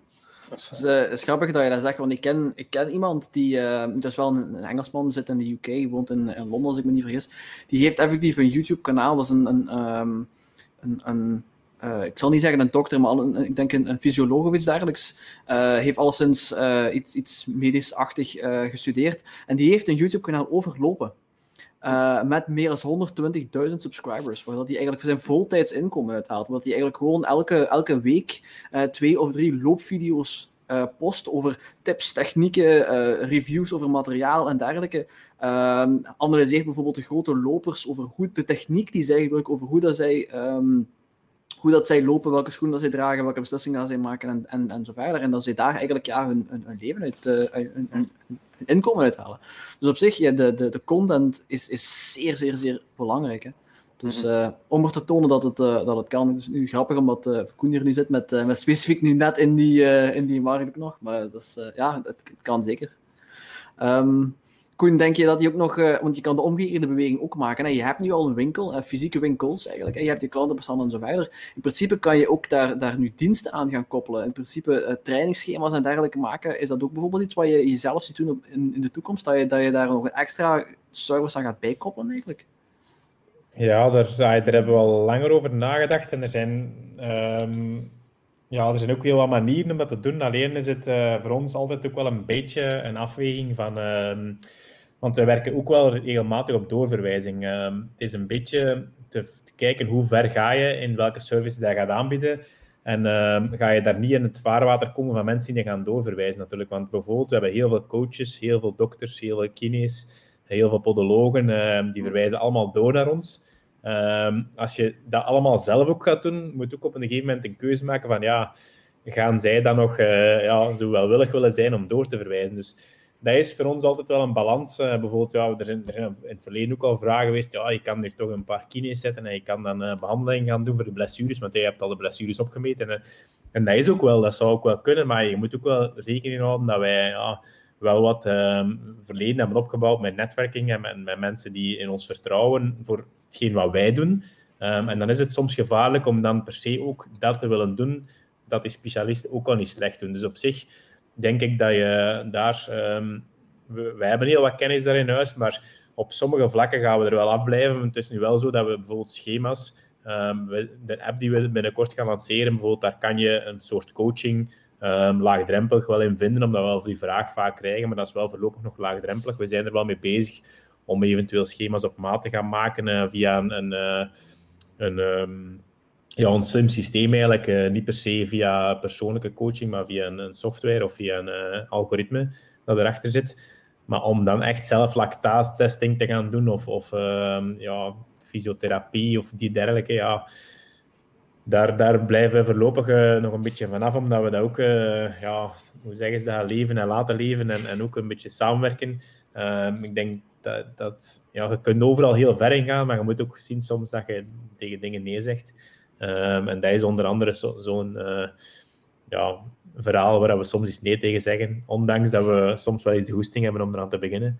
Uh, uh, merken we toch dat we daar soms moeten zeggen van kijk, nee, er zijn al heel wat mensen die dat niet, die dat niet slecht doen of heel, heel goed doen. Um, laat ons gewoon dat wat samen aanpakken en, en laten we ons vooral onze tak zo goed mogelijk houden. Um, maar niet wil zeggen dat we er niet over nadenken en dat we er niet over ja, ehm, over bezig zijn. Maar het moet op een heel verstandige manier gebeuren en het moet op een, ja, een heel duidelijk, een duidelijk verhaal zijn. Het moet ook voor ons duidelijk afgeleid zijn van zo ver gaan we gaan. Bijvoorbeeld, ja, wij zijn al jaren sponsor van Golanzo en van sportevents die dan ehm, zelf events organiseren. Ook dat, dat doen wij ook heel graag, want wij doen soms wel eens kleinschalige events zelf. En dat is ook een leuk object. Hè. We zouden ook, wil ik, wij zouden ook kunnen gaan doen events gaan organiseren. Maar ja, je moet ook, hoe, je moet ook zien waar, waar het stopt en waar het begint. En, en, daar kijken, want ja, we willen soms heel veel dingen doen. Um, maar het is nu al moeilijk genoeg om, om de dingen die we allemaal willen doen, om die te kunnen behappen. Dus um, ik denk dat dat ook heel belangrijk is als ondernemer, dat je gewoon ook ja, durft nee zeggen af en toe. Um, ondanks dat nu heel veel van mijn medewerkers uh, gaan zeggen van meestal, zegt, meestal, zegt, meestal zegt Koen ja, want meestal ben ik iemand die zelf heel hard springt en, uh, en uh, soms te impulsief reageer wel, maar toch, toch omring ik mij met mensen die nee tegen mij zeggen, laat zo zeggen, laat ons daarop dan. Want ik ben zelf heel impulsief van aard en, uh, uh, en ben, dat, dat typeert mij als ondernemer misschien, maar daar moet ik ook wel mensen omringen die zeggen van ja, nee, soms moet je gewoon nee durven zeggen. En, en mm -hmm. Dus je moet ook wel omringen met mensen die, die je soms met de voetjes op de grond houden. Ja. Is, is jouw vader zo iemand? Die zijn er altijd mee bezig om, om daar zo... Ja, hij heeft de business gestart uiteraard, hè, toen... toen ja, ja, hij, heeft mij altijd vrijgelaten. Hij heeft nooit echt, uh, want sinds dat ik, uh, ik ben sinds 2005 in de zaken, sinds 2009 heb ik uh, dan volledig echt overgenomen. mijn moeder heeft nog lang de boekhouding gedaan, totdat ik er vier, vier, jaar geleden iemand aangenomen heb en gezegd, ja, nu moet echt een pensioen. daar was hij niet gelukkig mee trouwens, maar, maar ehm, ja, mijn vader is nog altijd... Um, zeker niet meer actief met runnerslap met de winkels zelf, maar als, als je een nieuwe winkel ga openen of, uh, ik heb een nieuw plan, dan komt hij altijd wel nog eens mee luisteren en, komt hij wel nog eens uh, wat advies geven. En hij kan ook wel altijd bij hem terecht, maar um, bij, ik zeg het, hij is meer de man van het biomechanische en het uh, wetenschappelijke. En, en ons ProLab bijvoorbeeld in Zwijndrecht hebben we een, een, zo'n tweede verdieping waar we, echt, waar we echt internationaal topatleten testen. Dat is echt een, een pro-labo waar we echt met camera's rondom volledig uh, u scannen. Dat is echt verregaand. Dat is, dat is drempelverhogend en daarom pakken we er ook niet zoveel mee uit. Maar mm wij, wij hebben er al heel veel atleten uh, geholpen die Olympische medailles hebben gehaald. Uh, we mogen ook niet altijd alle namen zeggen, maar wat, we hebben er al heel veel bekende atleten geholpen. En daar is mijn vader wel vaak soms nog mee bezig, omdat dat, echt, dat is voor hem echt iets... Ja, en dan laat ik hem soms ook, soms ook wat doen en, en zeggen van oké, dat, dat is uw speeltuin en... en, en en, en, en bijvoorbeeld, hij is ook nog bezig bijvoorbeeld met schoenontwikkeling. Hij heeft uh, jarenlang aan merken advies gegeven en, en hij is nu met, met HP, dat is dan geen, geen, eh, geen sportmerk, maar het computermerk HP zijn ze al een tijdje bezig met eventueel uh, schoenen um, die dan gepersonaliseerd 3D-printing zouden zijn. Um, dus daar, daar, is hij nu nog mee bezig. Dus eigenlijk, hij is heel veel bezig met, met, met ja, met nog, met nog fysisch uh, uh, een visie na te streven van die schoen op maat. Daar is hij nog heel vaak mee bezig, maar dat is dan buiten de runnerslapwerking. Dat is eigenlijk iets ja, dat hij het nog doet vanuit zijn uh, zijbedrijf. En, en, en HP betaalt hem daar nu gewoon voor consultancy en hij is er nog altijd mee, dagdagelijks mee bezig. Met, en ze zitten eigenlijk al ver, want ik heb al prototypes aan mijn voeten gehad, waar echt, dus die dan volledig 3D geprint zijn op maat. Um, hij toch de basis, nog niet het bovenwerk, maar wel de basis. En dat, dat is zijn ja, zijn droom is dan nog altijd dat je, dat je als je in een winkel zoals ons binnen zou stappen en, en volledig biomechanisch gemeten wordt, advies hebt, dat je dan bijvoorbeeld een dag later echt, echt een schoen op maat hebt. Hmm. die volledig uniek is aan jouw loopprofiel. Want nu is het, zoals ik zei, is het nog altijd een soort trechtervorming en is het nog altijd roeien met de riemen die we krijgen van de merken. Want ja, als, we, als de merken geen goede schoenen maken, kunnen wij ook niks doen. Uh, we hebben wel wat steunzolen, we hebben wel aanpassingen die we binnen kunnen doen, maar de basis van de schoen wordt nog altijd de merken geleverd. Uh, is ook nog altijd massaproductie. Dus toekomstgewijs, ecologisch, moeten we, zijn we ook wel aan het nadenken van ja, hoe kunnen we meer terug lokaal gaan produceren. Uh, en op dat gebied is hij wel, is wel nog actief. En, maar dat is dan meer in, ja, um, uh, ook de laatste vijf, zes jaar. Um, bij RSCAN was hij al lang, hij was al, hij is al acht of negen jaar geen CEO meer bij RSCAN, bij het zusterbedrijf. Dan had hij de titel CVO en dat was Chief Visionary Officer. Uh, dus hij moest gewoon meedenken over concepten. En, en, uh, en dat, is, dat is ook hetgeen wat hij het liefst doet. En dan zit hij urenlang zijn, achter zijn computer aan, aan, nieuwe dingen te denken. En, uh, En, Maar ja, rendabel is dat niet, maar ja, hij, kan dat nu doen. En ja, hij, hij, hij, doet dat ook graag. En, en, en, en hij komt ook wel vaak tot goede ideeën. Want ja, die schoenen die gaan er ook wel komen, denk ik, op, op, op termijn. Maar um, die heeft, wel zijn tijd nodig. Soms gaat het wat trager dan we gehoopt hadden. Want uh, ik denk dat we, hij is er al sinds 2015 mee bezig. Ik denk, hij hadden gehoopt tegen 2020 al echt een schoen op de markt te hebben, maar dat is er voorlopig nog niet. Maar um, ik denk, als we nog eens vijf of tien jaar later zijn, denk dat dat wel de toekomst is. Dat je echt uh, in België of in, lokaal product echt, echt gaat produceren en niet meer per se allemaal in China. En dat we echt ja, van nul uit... Materialize heeft er de, de, de, technologie voor dat we echt van nul uit bijna een schoen opbouwen. Um, en dat, je echt, ja, dat wij echt eh, gaan meten en dat wij hem in elkaar gaan steken, maar dat hij dan wel ja, persoonlijk voor u wordt gemaakt. Zonder afval, zonder uh, ja, overproductie. Uh, want de schoenenbranche is een heel onecologische branche. Um, er wordt veel te veel. Niet, alleen, niet alleen het product zelf is niet echt ecologisch. Daar zijn ze nu al mee bezig dat dat beter is, beter en beter. Want het is niet echt goed afbreekbaar. Maar ook het, het hele overproductieverhaal. Een merk. Mhm ja, laat ons zeggen dat wij nu nog altijd in de loopschoenenbranche, dat zal in heel veel branches zijn, worden er bijvoorbeeld 100 schoenen geproduceerd, maar er worden maar 70 verkocht. Hè. Um, die andere 30 worden vaak, um, ah, van dit 70 pakt dat er 65 aan volle prijs worden verkocht, dan worden er nog eens 15 à 20 aan halve ah, aan korting verkocht, maar er blijft altijd nog 15 à 20 procent restwaarde over, die vaak gewoon wordt weggegooid. Hè. En dan bedoel ik echt letterlijk weggegooid, omdat anders kan die nieuwe schoen niet verkocht worden. Dus Um, een merk moet altijd, altijd vernieuwen. Dus als die oude schoenen blijven op de markt hangen, dan worden die nieuwe schoenen niet verkocht. Dus die worden letterlijk gewoon uit de markt gehaald.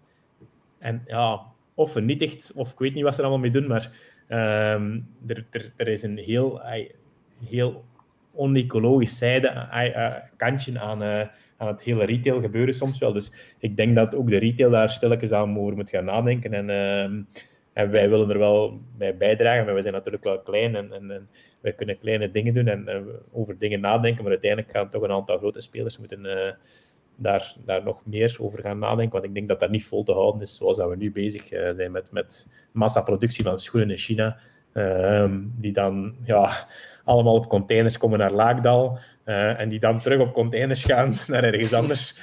want ja, zo is het. Hè. Dus alles van van Europa en, en Afrika komt in Laagdal en wordt dan teruggeshipped uh, naar de winkels. Hè. Dus, of naar direct to consumer. Dus ja, er is een enorme, ja, enorme trafiek van, ja, van schepen, uh, van uh, containers. Dus ja, dat is niet echt op lange termijn vol te houden, denk ik. Nee, en er zit echt een designfout in heel dat systeem, hè, waarbij dat, dat het overproductie eigenlijk by design is. Hè. Dat is echt, we, ze weten al op voorhand altijd, hè, er wordt een bepaalde marge gerekend. Uiteraard proberen zo weinig mogelijk overproductie te hebben. En ik vind wel heel die shift heel interessant die aan het gebeuren is naar um, dat je eigenlijk inderdaad op maat werkt of op bestelling werkt. Hè. Dus dat je pas gaat produceren als je bestellingen hebt. Hè. Dat is, een, dat is een, uh, toch wel een beweging die is, nog heel klein, nog heel niche. Maar ik heb bijvoorbeeld een sneaker van Diverge. Dat is een, uh, een, uh, ja, een start-up die ondertussen al wat uit de hand gelopen is, maar uh, produceren in Portugal. En je kunt eigenlijk zeggen van oké, ik wil mijn zolen met een zijkant, met, met de tongveters in een bepaalde kleur. Je kunt zo in een configurator gedaan in een app, heel tof. Um, en die wordt, als je die bestelt, ja, die wordt gemaakt. Dus drie, vier weken later heb je die. Um, en ook dat is zo mijn. Een, nee, het is wel moeizaam, want het is bijna drie of vier dat ze echt checken van je zit toch zeker van je maat. uh, er, blijven zo, zo, er blijven zo herhalingen komen en touchpoints en dan uh, nee, de testingproductie gaat krijgen nog eens een bericht. Uh, maar je merkt wel dat die verandering bezig is en dat naarmate dat personalisatie, want dan, dan het gaat over de waarde, ofwel is de waarde convenience, ik heb ze nu, ofwel is de waarde, ze zijn voor mij uniek, uniek. Uh, En hmm. de, de droom van uw vader is van ze zijn voor mij uniek en ik heb ze al morgen. Dat is natuurlijk redelijk, allez, dat is zot, maar ik ben er wel van overtuigd dat jullie op een bepaald moment naar, ze zijn voor jou uniek en geprint enzovoort. En, en, en dat gaat drie weken duren. Daar, daar, daar gaat de klant over vinden en ook veel, zeker als je dat koppelt een stukje aan dat duurzaamheidsverhaal. Uh, want je, je, hmm. je, werkt je hebt gewoon nul. Allee, eh, het is voor jou uh, gemaakt. En ik denk wel, we zien dat in veel sectoren. Dat, um, pas bestellen als je. Of pas. je hebt zo bijvoorbeeld lokaal, dat is nu een, een app voor um, die. Um, lokale telers van fruit en groente, lokale slagers, lokale merken van eigenlijk allemaal topkwaliteitsvoedingsproducten gekoppeld op één platform.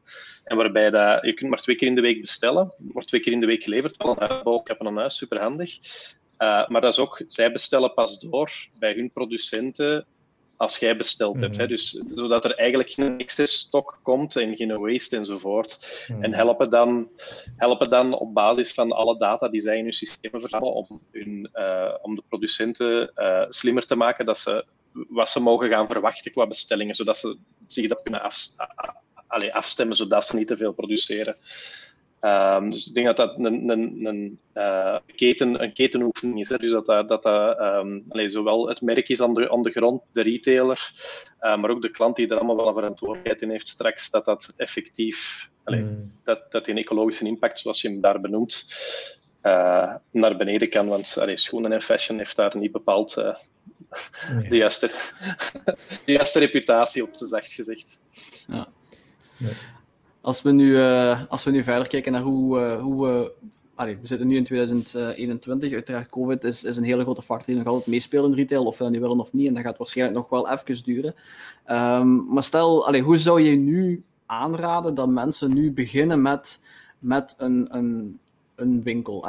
een winkel is, is een heel los concept wat ik bedoel. Uh, is dat, zou je aanraden om te beginnen met iets fysiek, of zou je eerder aanraden om, om te focussen op je digitale en, en, en, en waarom? Ik geloof in dat nog altijd wel. Ik was er juist uh, fel bepleiter van. En je kunt uh, zonder voordeur en alles wat je wilt. In essentie geloof ik echt heilig in de combinatie van beide. Ik heb zelf tien jaar in de winkel gestaan. Ik weet wat als je goede mensen in de winkel hebt, um, los van mezelf, even buiten beschouwing genomen, altijd met echt goede teams samengewerkt. Um, daar ontstaat iets in interactie met een klant. Je hebt een kort moment waarop dat je samen kunt gaan en, en, allez, laten we zeggen, goede, uh, goede medewerkers die, die, die, die, die, die, die, ja, die staan op een podium en die, doen, die genieten van dat klantcontact. En dat is iets dat, um, dat uh, zeker als we spreken over conversie enzovoort, hè, conversieratio bij Koen is through the roof, maar een goede fysieke winkel is de conversieratio ook nog altijd een stuk hoger dan op een website. Uh, en dat, uh, dus ik geloof heel erg dat in combinatie van beide, als ik vandaag, ik, ik zeg altijd, ik heb, ik heb in de winkel gestaan, vier jaar op het hoofdkantoor gewerkt. Ik ben nu mijn, allez, een innovatiestudio bezig die winkels ontwerpt. En ik ga uiteindelijk terug een winkel doen. Dus mijn eindbestemming is terug een winkel. Ik weet nog niet wat, maar ik moet eerst alles geleerd hebben, wat, allez, alles wat valt te leren. En dan ga ik zelf een winkel doen. Um, ja, eat my own dog food, of zeggen ze dat? Dan ga ik zelf alle dingen, die, alle concepten en alle ideeën en alles wat we bedacht hebben doorheen de jaren doen.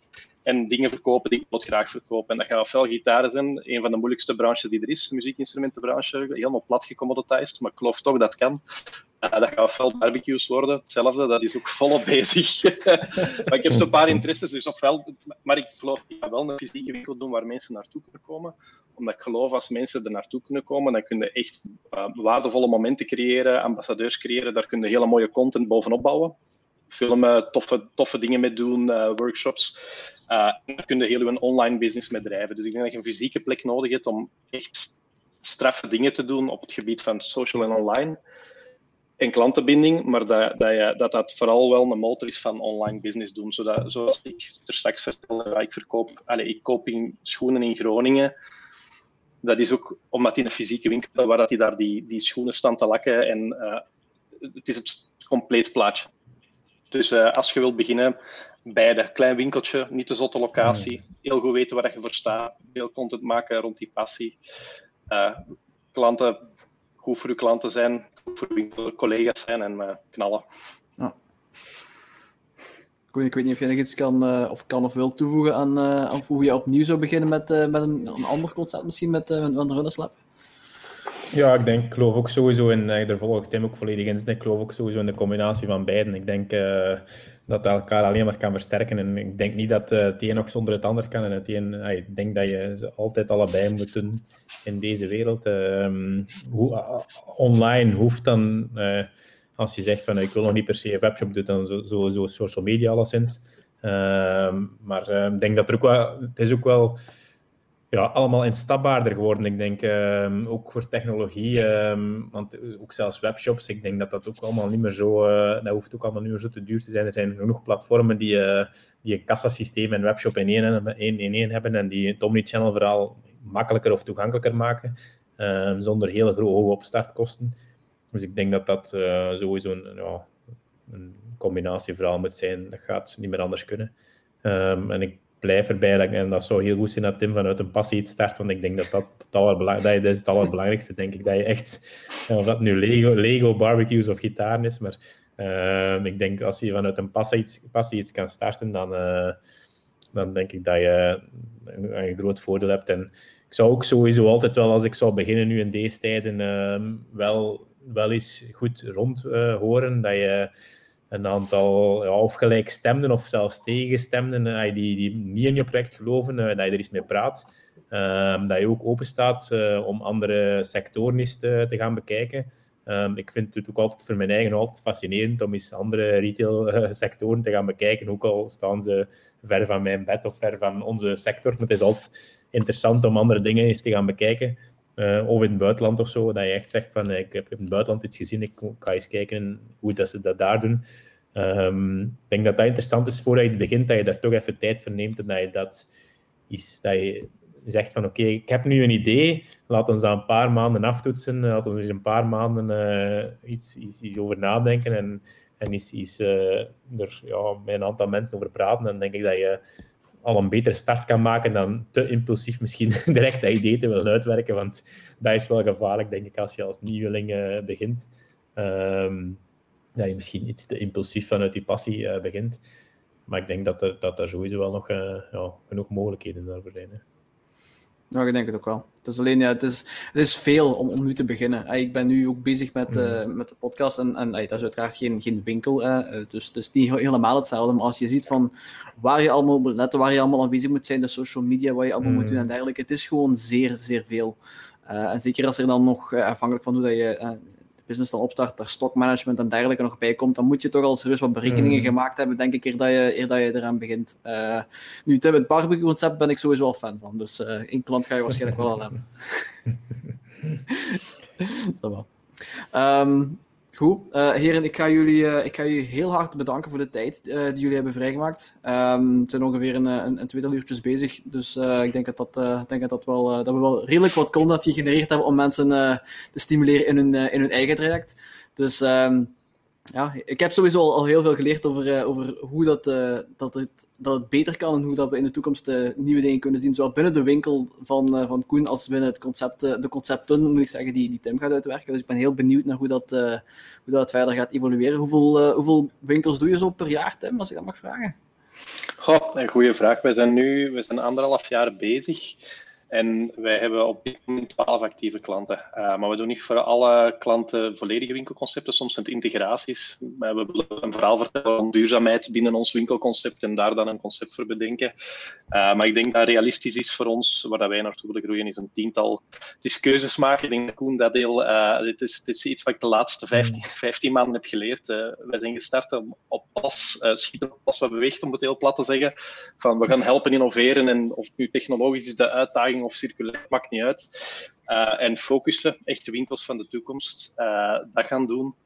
Um, en laten zeggen, ik heb ook niet de ambitie uh, om morgen 50 man personeel te hebben. Ik wil een klein behapbaar team hebben. heel graag doen wat ik zelf doe, betrokken zelf blijven bij de projecten, want ik doe dat zelf gewoon veel te graag concepten bedenken. Op het moment dat ik gewoon fulltime manager word van heel veel mensen, ga ik ongelukkig worden, denk ik. Um, met andere woorden, ja, ik denk dat wij naar een, een tiental winkelconcepten per jaar maximaal kunnen. Uh, en dat dat uh, goed is. Uh, een beetje de toon in de markt zetten en zien dat, laten we zeggen, met de inspirationele leiders de zotste dingen doen en de rest van de markt die dan hopelijk volgt en aansluit, dan hebben wij ons doel bereikt. Ja. Ik veronderstel dat de podcast daar ook al voor een stuk in helpt om uh, bij te leren over hoe het, uh, de, de wereld uh, van het retail in elkaar zit. Ja, enorm. ik heb eigenlijk de podcast is eigenlijk gestart voordat we uh, gestart. Dus dat was een idee waar ik al super lang mee zat. Ik was een enorme podcast van en ik ben echt ja, heel erg gefascineerd door de toekomst van retail al vrij lang. Uh, en ik merkte gewoon dat um, uh, mijn laatste job voor ik dit deed was de, in, de, uh, in een stukje sales aan de technologiekant bij Dobit, technologische oplossing, maar in de winkel. En ik merkte gewoon dat door te praten met heel veel andere technologieaanbieders en heel veel retailers, ja, de uitdagingen en de oplossingen die vandaag bestaan liggen veel te ver uit elkaar. er zijn, die, um, die begrijpen elkaar niet altijd even goed. Um, en dan heb je nog de abstractielaag dat in winkel heb je winkelmedewerkers en klanten, die hebben uitdagingen. Daarboven heb je de organisatie, die hebben hun uitdagingen. En dan het ecosysteem moet proberen uitdagingen te bedenken die hier van onder oplossingen moeten bieden. Um, en ik, en, uh, ja, ik, merkte, ik merkte gewoon op een gegeven moment van ja, die uitdagingen en die oplossingen moet dichter bij elkaar brengen, de podcast. En daar leerde gewoon extreem veel bij, want je leert super interessante mensen kennen, ook als je te gast bent in een podcast. Uh, maar ik heb uh, heel veel aanbieders, heel veel strategen, heel veel dingen over de vloer gehad. En het is voor mij mijn, het is een beetje mijn kick geworden. Het is nu bijleren elke twee weken. um, en het houdt me scherp. Dus, en het helpt een beetje in awareness ook uiteraard. Het is ook een beetje hetzelfde. Hè? Als ik zeg tegen iedereen dat ze content moeten maken om awareness te creëren, dan ja, practice what you preach. Dan moeten we ook leren hoe het werkt en hoe moeilijk dat, dat wel of niet is. Binnenkort gaan we livestreamen. Ik zeg tegen iedereen, je moet live commerce proberen. Ja, gaan we livestreamen hè, en zien hoe, hoe het moet. en ook een paar keer op ons gezicht gaan onderweg en het zal wel lukken ergens uh, halverwege. Ja. Ja, waarschijnlijk wel. Ik, ik kan sowieso wel beamen dat, uh, dat een podcast doen en gewoon de gesprekken al kunnen voeren, is, is, is immens waardevol. Allee, de, de, de dingen die ik nu al geleerd heb, nieuwe inzichten die ik gekregen heb, door gewoon af en toe gewoon ja, te lullen, bij wijze van spreken. Allee, niet, dat dit, uh, niet dat dit gewoon zo off-topic geweest is, daar niet van, maar gewoon allee, er soms de, de, de simpelste gesprekken te voeren over, over onderwerpen dat je zegt van dat is toch heel simpel en gewoon een nieuw perspectief af en toe horen over, over een bestaand idee wat je had, kan soms al zo waardevol zijn. Dus uh, ik, kan, ik kan dat zeker, uh, zeker beamen. Dus, um, Oké. Okay.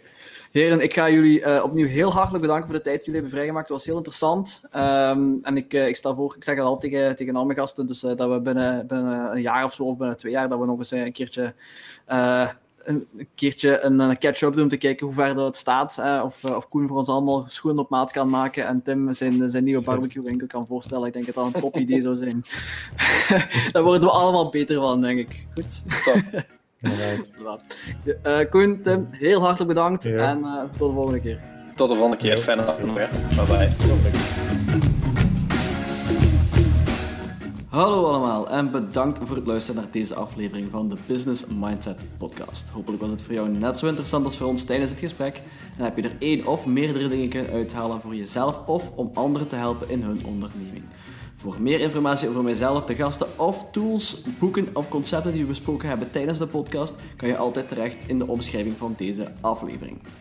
Heb je genoten van de podcast? Vergeet dan zeker niet om het te delen op social media. Dit helpt ons enorm om te groeien en om een groter publiek te bereiken. En hoe sneller we groeien, des te meer tijd we kunnen vrijmaken voor interessante gesprekken waar we zowel zelf als jullie iets kunnen bijleren. Heb je verder vragen of heb je feedback over wat we besproken hebben tijdens de aflevering? Of tips of verzoeken over onderwerpen die we kunnen behandelen? Of wil je iemand aanraden als gast tijdens de podcast? Laat het dan ook zeker weten. In de omschrijving van deze aflevering vind je een link naar alle social media accounts van de podcast en daar kan je ons altijd op bereiken.